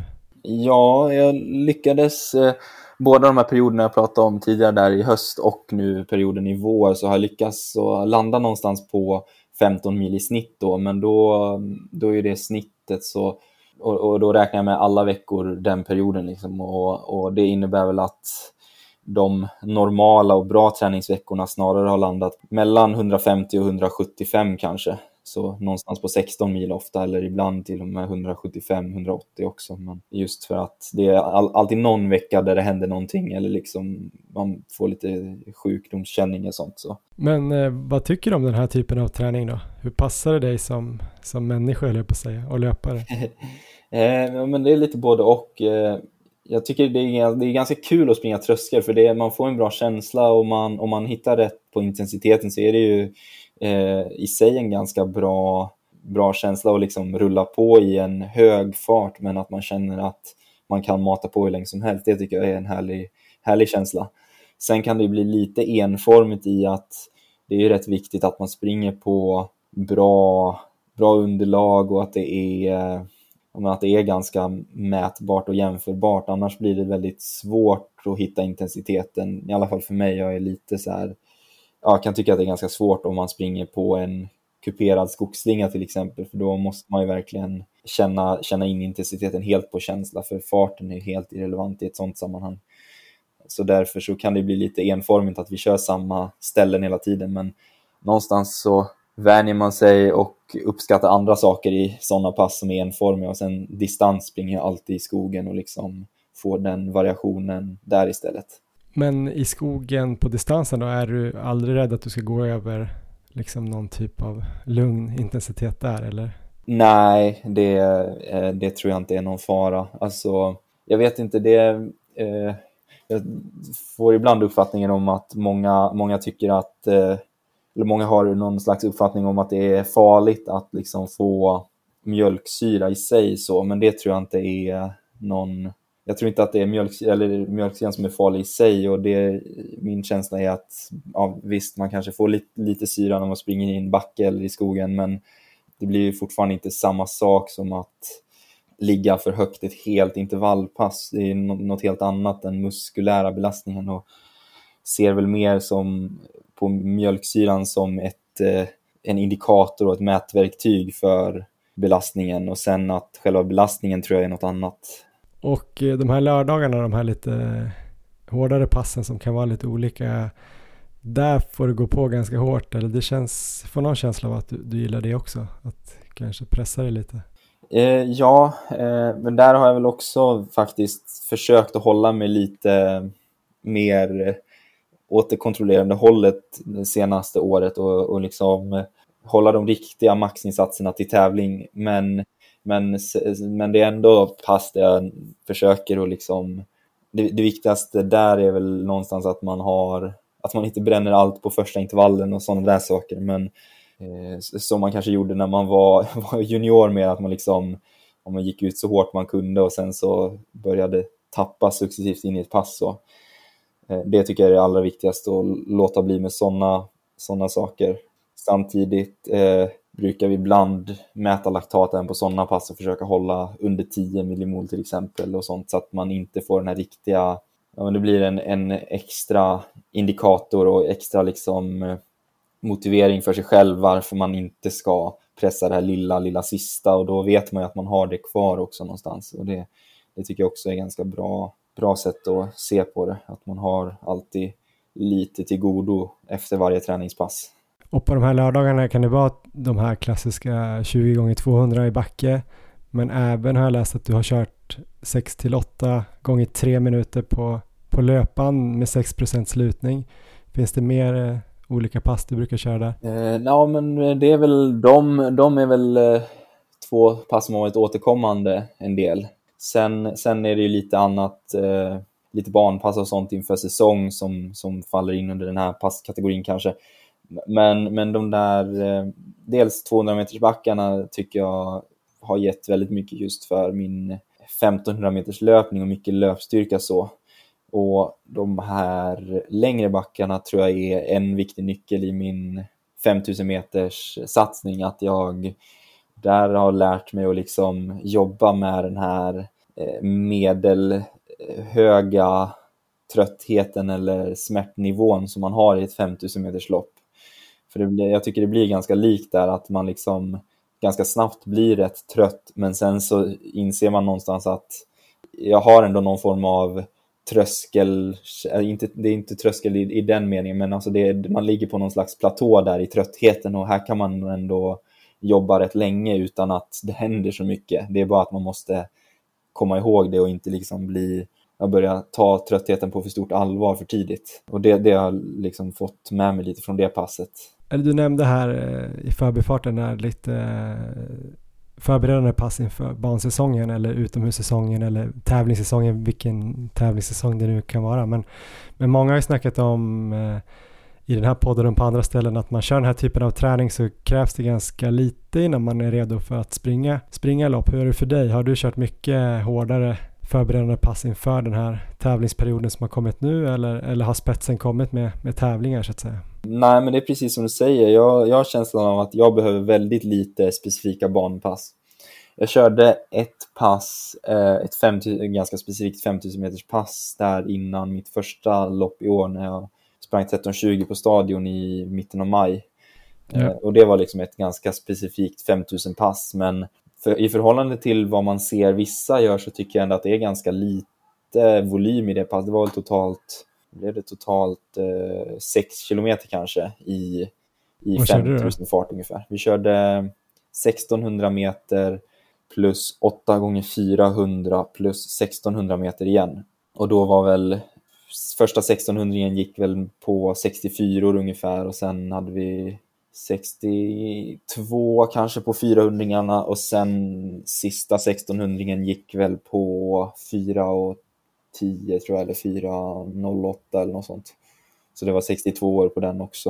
Eh, men där var det ändå så här, känslan där var att jag hade kunnat göra ett till, en till, eh, ett till set med 400 eller kanske till och med en till 1600 efter ett par minuters vila eller något sånt kanske inte riktigt lika fort. Eller om jag hade sprungit, jag skulle ha sprungit den första 1600 i så fall lite långsammare kanske. Men det var väl det enda. Och sen, sen har jag gjort lite special, eh, eh, lite kombopass med tröskel och lite snabbare grejer. Det tycker jag är en bra grej. Uh, för jag, jag känner att jag måste hitta min, min flytfart, speciellt för 1500 måste jag liksom hitta in i den här bekväma, att det är bekvämt att springa eh, i ja, men i mitt fall nu blir det väl typ 57-58 sekunder på, på 400, att, att jag verkligen hittar avslappningen och att jag inte känner den här känslan av att sprinta då. Och då har vi gjort så att vi har kört 100 meters intervaller med väldigt kort vila.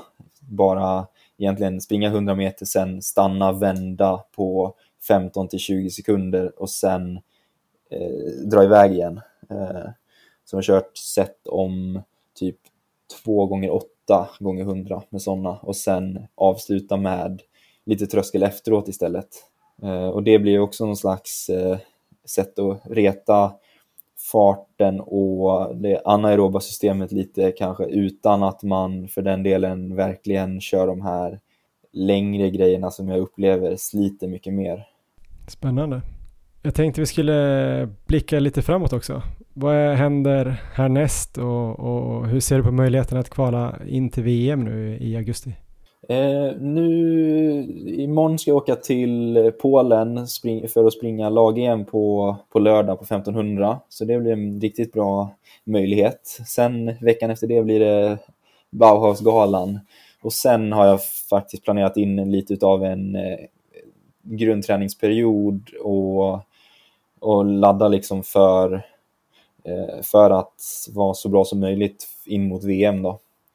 Eh, och jag räknar med, väl nästan med att jag är ligger tillräckligt högt i ranking så som jag hamnar nu efter de här senaste loppen att, att det ska räcka. Men, men det finns ju lite backup på att springa bra på SM till exempel och sen har jag nog något lopp till i slutet av juli som jag kan, kan köra för att stärka min position ytterligare lite. Men eh, någonstans så har vi sagt att liksom, ja men jag har tävlat mycket nu och sprungit så bra jag har kunnat och i de loppen jag har fått till då. Eh, så någonstans måste man ju liksom sluta jaga också och försöka ge, ge sig själv chansen att springa bra även andra halvan av sommaren och det går ju inte om man tävlar genom hela juli också. Blir det någon liknande då period med de här 15-16 mila veckorna?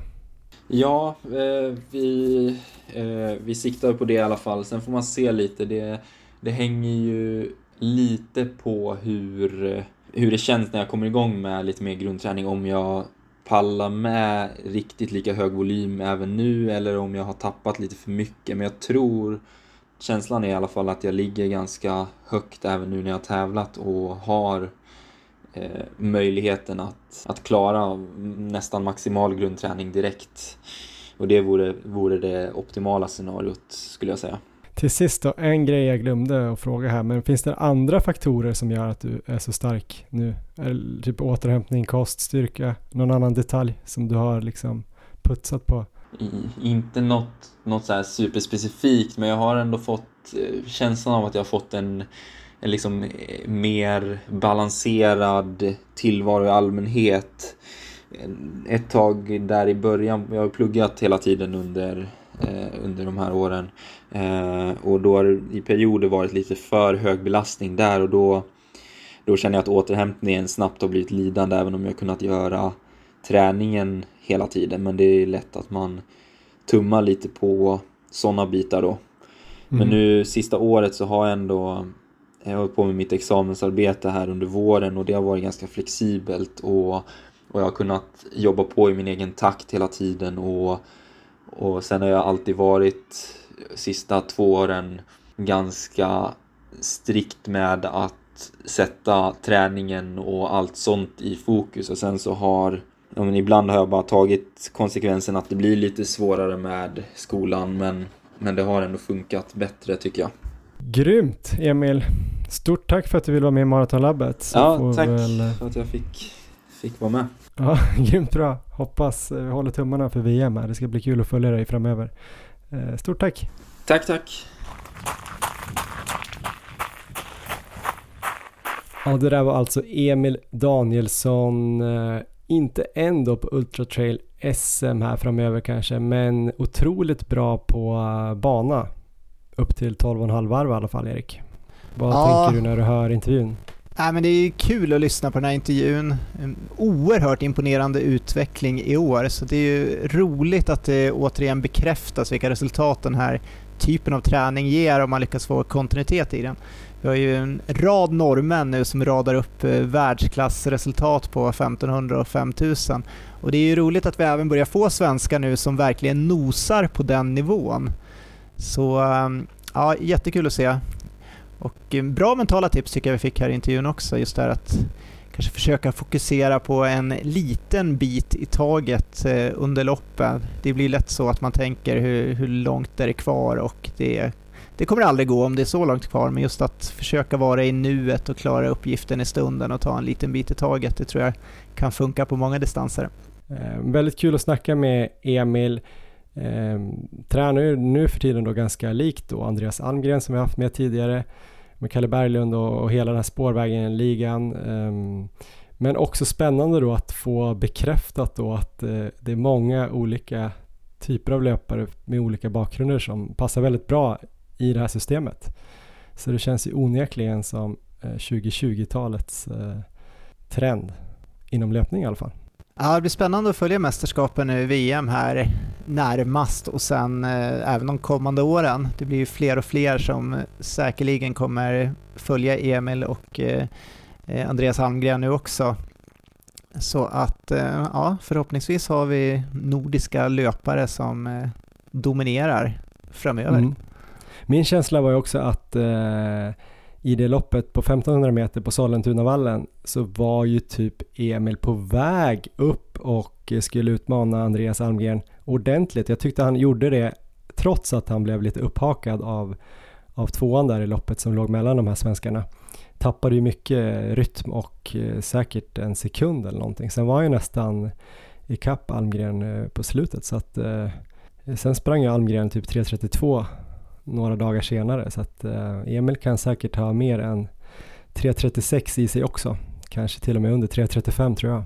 Ja men verkligen och sen så när han då ser att eh, Andreas var på väg mot eh, 12.55 där på Diamond League och veta att man har varit där och utmanat, då eh, liksom gränserna suddas ju ut då. Då känns det som att ja, kan han göra det och jag kan vara där och eh, utmana honom så borde jag kunna vara riktigt nära där också. Så att jag tror vi kan ha en bra utveckling framöver här också. Yes, nu ska vi blicka framåt lite mot eh, ett kul och spännande lopp i september. 9 september alltså, Ramboll Stockholm halvmaraton. Vi har ett samarbete med dem och Adidas då som gör det möjligt för oss att få träna två adepter fram till det här loppet. Det är ju dels då Sandra Nordenhager som ni hörde i förra avsnittet och så är det ju Kajsa Borman som ni hört en gång tidigare. Det finns också lite texter om eh, de här eh, adepterna på maraton.se. Ni kan gå in och läsa där. Eh, ni kan ju också se då på vår Instagram hur de här ska träna. De är jätteduktiga på att lägga upp stories också som vi delar vidare och man kan följa dem på Strava och då såklart på Insta. Följa deras träning om man vill, rakt av kanske. Men man ska inte då få känningar i vristen som Kajsa Borman då tyvärr har fått hon har ju tränat jättebra tre, fyra veckor och eh, sett superbra ut men hon har ju fått en känning i bristen och vi ska prata lite med henne om det nu och försöka komma fram till hur vi ska gå vidare här framöver. Så här har ni Kajsa Borman. On your marks. Get set. Ja, men då säger vi hej till Kajsa. Hur är läget? Hej. Eh, jo, men det är helt okej. Lite tråkigt att inte kunna springa, men annars bra. Det är ju lite tråkigt att inte kunna springa om man ska vara adept här inför Rambo Stockholm halvmaraton som är en löptävling. ja, korrekt. Så jag vet inte hur du har tänkt här riktigt. Men eh, vi nämnde ju faktiskt i, i förra avsnittet, eh, då pratade jag och Erik lite om att du hade fått en känning. Då var ju intervjun med, med Sandra, vår andra adept, men eh, du hade precis fått en känning då i, i vristen. Du kan ju kanske berätta lite själv om den nu när vi har dig på tråden. Yes, eh, det var så himla märkligt för att jag hade kört ett intervallpass dagen innan då eh, och sen hade jag vilodag och sen när jag skulle springa dagen därpå på lördagen så kände jag i min vrist när jag vaknade och sen när jag började springa då och skulle köra ett långpass så började det kännas mer och då tänkte jag det här är inte bra. Jag bryter och sprang väl typ två kilometer bara eller något sånt. Men var väl väldigt hoppfull då att det skulle gå över till dagen därpå, men det gjorde det inte. Men eh, så dagen efter det här intervallpasset som för övrigt var väldigt bra, mm. såg jag här nu, eh, då kände du ingenting utan det var liksom två dagar efter plötsligt. Exakt. Och den här känningen då mm. var på vänstra bristen mm. obehagligt nära din gamla stressfraktur, eller hur? Exakt, så då går ju tankarna direkt bara oj, är det här en ny stressfraktur? Eh, såklart. Men det tror jag inte att det är. Men eh, ja, väldigt nära där jag hade min stressfraktur tidigare. Men det har du väl nästan fått eh, konstaterat att det inte är heller, i alla fall utifrån en fysios utlåtande som har, har slagit på ditt skenben med en hammare. Berätta, lite mer. Det låter ju så extremt, jag vill bara förtydliga att det här är ju någon fysiohammare, alltså det är en liten trähammare som han slår med. Eh, och när eh, jag hade en stressfraktur, då gör det ju superont, alltså då skriker man liksom när man får slag av den här hammaren. Men i nuläget så har jag ingen punktsmärta eller svullnad eller eh, inflammation, eh, rodnad vid det här stället där jag känner det. Så att det tyder väldigt mycket på att det inte är en stressfraktur. För det är ju väldigt bra nyheter. Mm. Eh, dels för att framförallt att du kan springa och dels för att inte vi har tränat dig till en stressfraktur på fyra veckor. Det hade känts hårt. Vi tycker ja. att vi har kört eh, hyfsat eh, varsamt och precis mm. innan det här hände så höll vi ju på Eh, snacka om att du skulle skriva en bok som hette Skynda långsamt och sådär. Och så kom det här bara någon dag efter. Det var ju århundradets jinx. Ja. Men eh, vi försöker se positivt. Du har varit och träffat den här uh, Hammarfysion igen och så har du även varit hos en kiropraktor va, som har, har knäckt lite din nacke och eh, den här spänningen som du hade då tydligen ja. i vristen och vaden och runt omkring där har blivit mycket bättre. Så vi hoppas ju att eh, det var liksom en liten överbelastning som beror på någonting, mm. att du var väldigt spänd i det här området och därför fick någon, någon liten smärta som kanske inte är så himla allvarlig utan mer en någon typ av symptom på att, att du är skev någonstans, eller? Exakt. Är, är, det, är det någon bra slutsats? Eh, ja, det är väl slutsatsen. Han eh, kollade på mig och sa liksom att jag var sned åt hela ena sidan och att mina ben var olika långa och allt möjligt. Och sen knäckte han i nacken och sen var jag helt rak. Perfekt och symmetriskt. Exakt. Eh, Modelllik. Ja. Nej men så att min förhoppning är ju att, och det kändes bättre, så min förhoppning är ju att jag tar mig ur den här känningen eh, starkare och bättre. Eh, för att jag nu är mer symmetrisk då enligt honom. Just det. Eh, mm. Men har du fått några övningar eller någon typ av um, förslag på hur du ska gå, gå vidare då? Dels eh, vad du ska göra helt enkelt i gymmet eller, eller sådär och hur kan du trappa upp löpningen enligt dem då? För det är ju bra info för mig att veta hur, hur mycket jag kan lägga in här nu framöver. Mm. Det som var intressant var ju att eh, igår då eh, så var jag både hos min fysio och hos den här kiropraktorn och de gav ganska liknande övningar. Eh, så att båda vill att jag ska stärka upp kring bål eh, och höfter och säte för att man tror att liksom det kommer från att jag liksom är lite svajig och svag då på vänster sida. Så att eh, jag har fått massa övningar kopplat till det som jag ska jobba med. Och sen vad gäller löpningen så ser ju båda att jag ska successivt trappa upp långsamt och att eh, jag först ska börja testa att springa när jag inte känner någonting. Och okay avbryta om det blir värre då såklart. Men vad har de sagt om eh, typ att det känns lite grann under mm. löpningen men inte att det eskalerar och kanske inte känns mer efter, efter liksom mm. passet. Är det också no-no eller kommer du få springa med någon typ av känning eller är det liksom att det ska vara helt smärtfritt? Det är en bra fråga som jag inte riktigt tog upp för att jag hade så höga förhoppningar på att jag typ inte skulle känna något idag.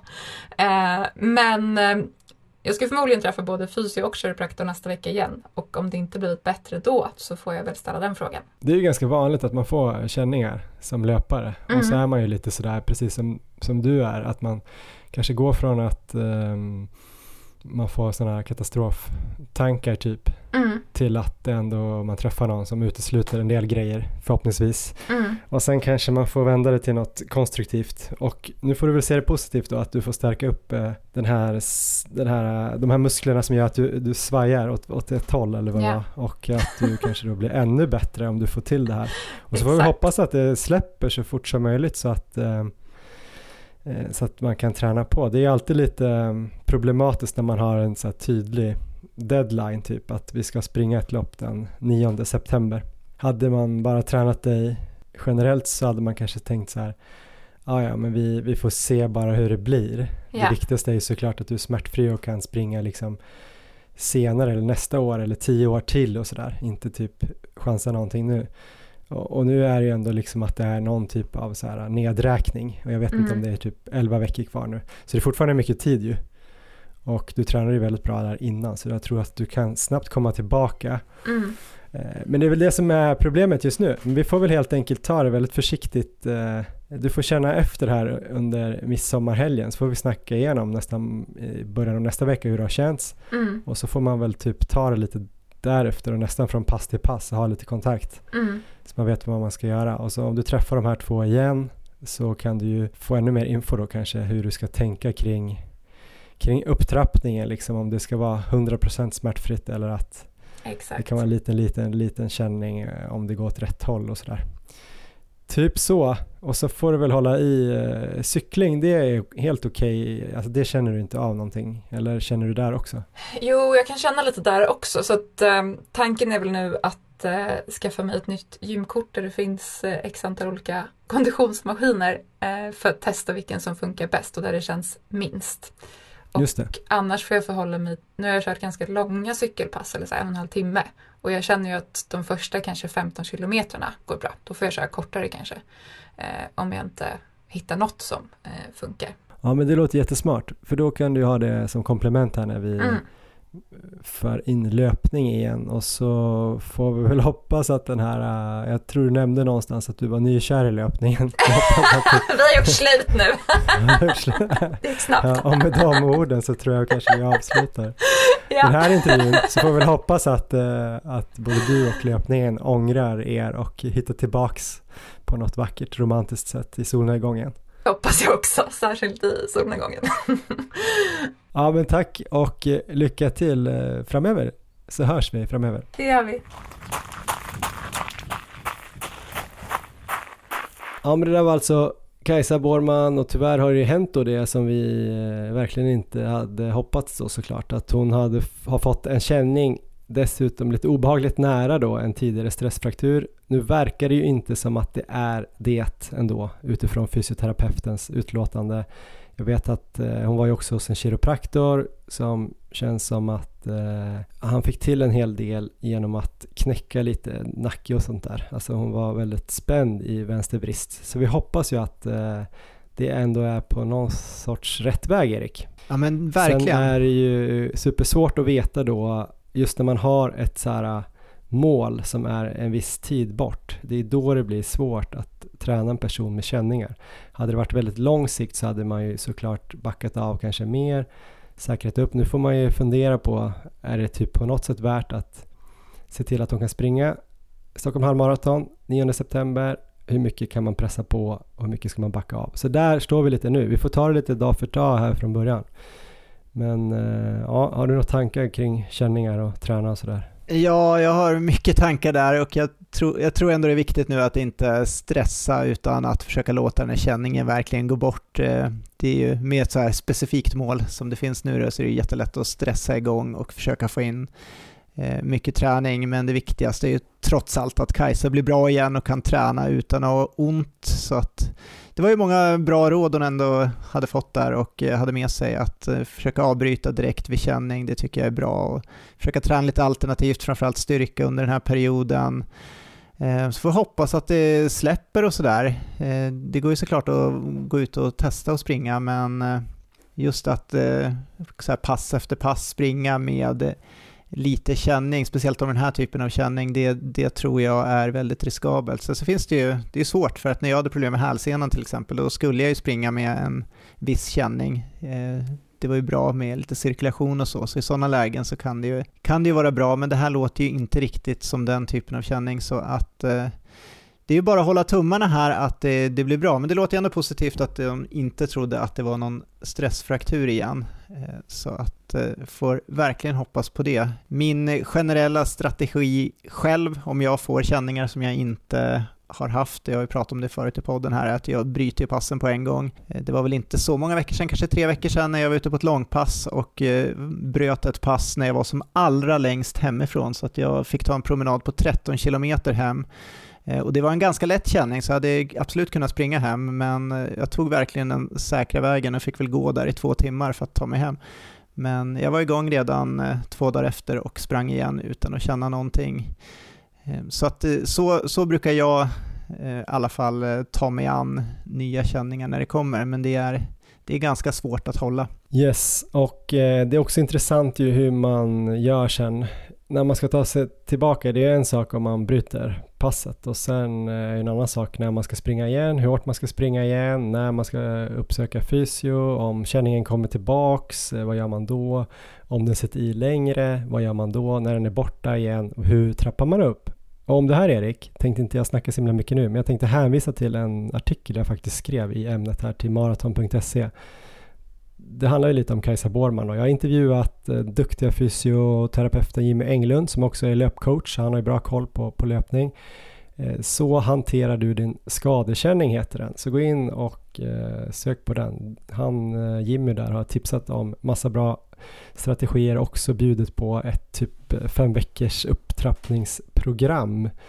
Eh, hur man kommer tillbaks då när känningen börjar släppa. Spännande. Kul! Ja, men vi blickar framåt lite då. Jag ska ju faktiskt också springa Rumble Stockholm halvmaraton 9 september Erik och jag tror att det är 11 veckor lite knappt till dess. Innan ska jag springa Salomon 27K om fem veckor ganska exakt. 13 veckor är det till Lidingöloppet. Här har du mina tre nästkommande stora mål tänker jag. Kanske lite fladdrigt tänker du.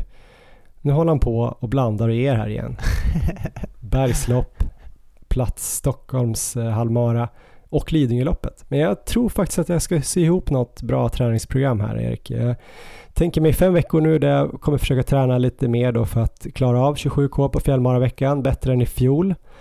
Jag hade ju problem där, var lite besviken kommer jag ihåg. Gick absolut inte defensivt och smart då, utan jag gick tvärtom offensivt och korkat. Fick sota för det på slutet. Jag kommer köra kanske lite så här äh, långa backar, lite så här brantare backe. Jag tror att det kanske kommer stärka upp mig nu några veckor där. Blir bra grundträning också för det som sen kommer i september. Så jag tänker juli är lite grundträningsperiod som kommer krönas av det här fantastiska loppet i, i Trillevallen och eh, Ottsjö. Och sen tänker jag att jag kommer eh, kunna springa i augusti väldigt mycket mer Eh, kombinera då halvmaraträning med Lidingöloppsträning, vilket jag tror kommer funka rätt bra, för det är ändå liknande distanser, lite snabbare fart och såklart på halvmaran, men det kommer bli bra det här Erik. Jag är inspirerad nu. Jag känner att nu jäklar är jag på gång. Kanske hålla i ett pass med platta intervaller också varje vecka. Kanske 400 för att vara jävligt snabb och sen bara tar vi något 10 km pers i oktober och, och sen bara råkar man ju spontan eh, anmäla sig till någon mara och så då jävlar bara buff, buff, buff, buff, buff. Wow! Johan is great again. Vad tror ja, du? Ja, men det låter som att du är tillbaka efter ett par månader här, nej, ett par veckor säger vi, med, med lite, var lite down, så känns det som att du är på väg tillbaka. Underbart, jag tror det var det här loppet och genomköraren du behövde. Jag, jag, jag gillar alla målen. Själv så står jag lite i valet och kvalet nu. Mitt eh, absoluta huvudmål för året är ju VM i 24 timmars löpning i december i Taiwan. Eh, till nästa avsnitt så kommer de ha släppt de första namnen till truppen och eh, jag hoppas vara med där, jag vet inte säkert, men eh, jag hoppas det i alla fall. Jag har varit över den indikativa VM-kvalgränsen två gånger så det borde finnas chans. Men oavsett om jag kommer med eller inte så funderar jag på att springa ett 24 timmars till innan och det är lite som, eh, vad ska man säga, som träning. Jag skulle vilja att jag får koll på alla de här delarna som inte fungerade på SM med eh, energiplan, eh, slippa få håll, testa utgångsfart och liknande. Jag har haft några sådana test på slutet med ultraloppet i Sala bland annat, men det kan bli start i Skövde Ehm, om, ja det är väl 12 dagar till dess i så fall, så i så fall har jag sprungit eh, 24 timmars när vi spelar in eh, nästa avsnitt. Jag vet inte om jag kommer ha sprungit hela eller om jag kommer bara springa delar av det som träning. Men eh, just nu står jag i valet och kvalet om jag ska anmäla mig eller inte. Annars så är det grundträning som gäller i sommar, så då blir det upplägget. Framåt hösten sen så det kan bli en start i Ultravasan 90 den är jag sugen på att springa.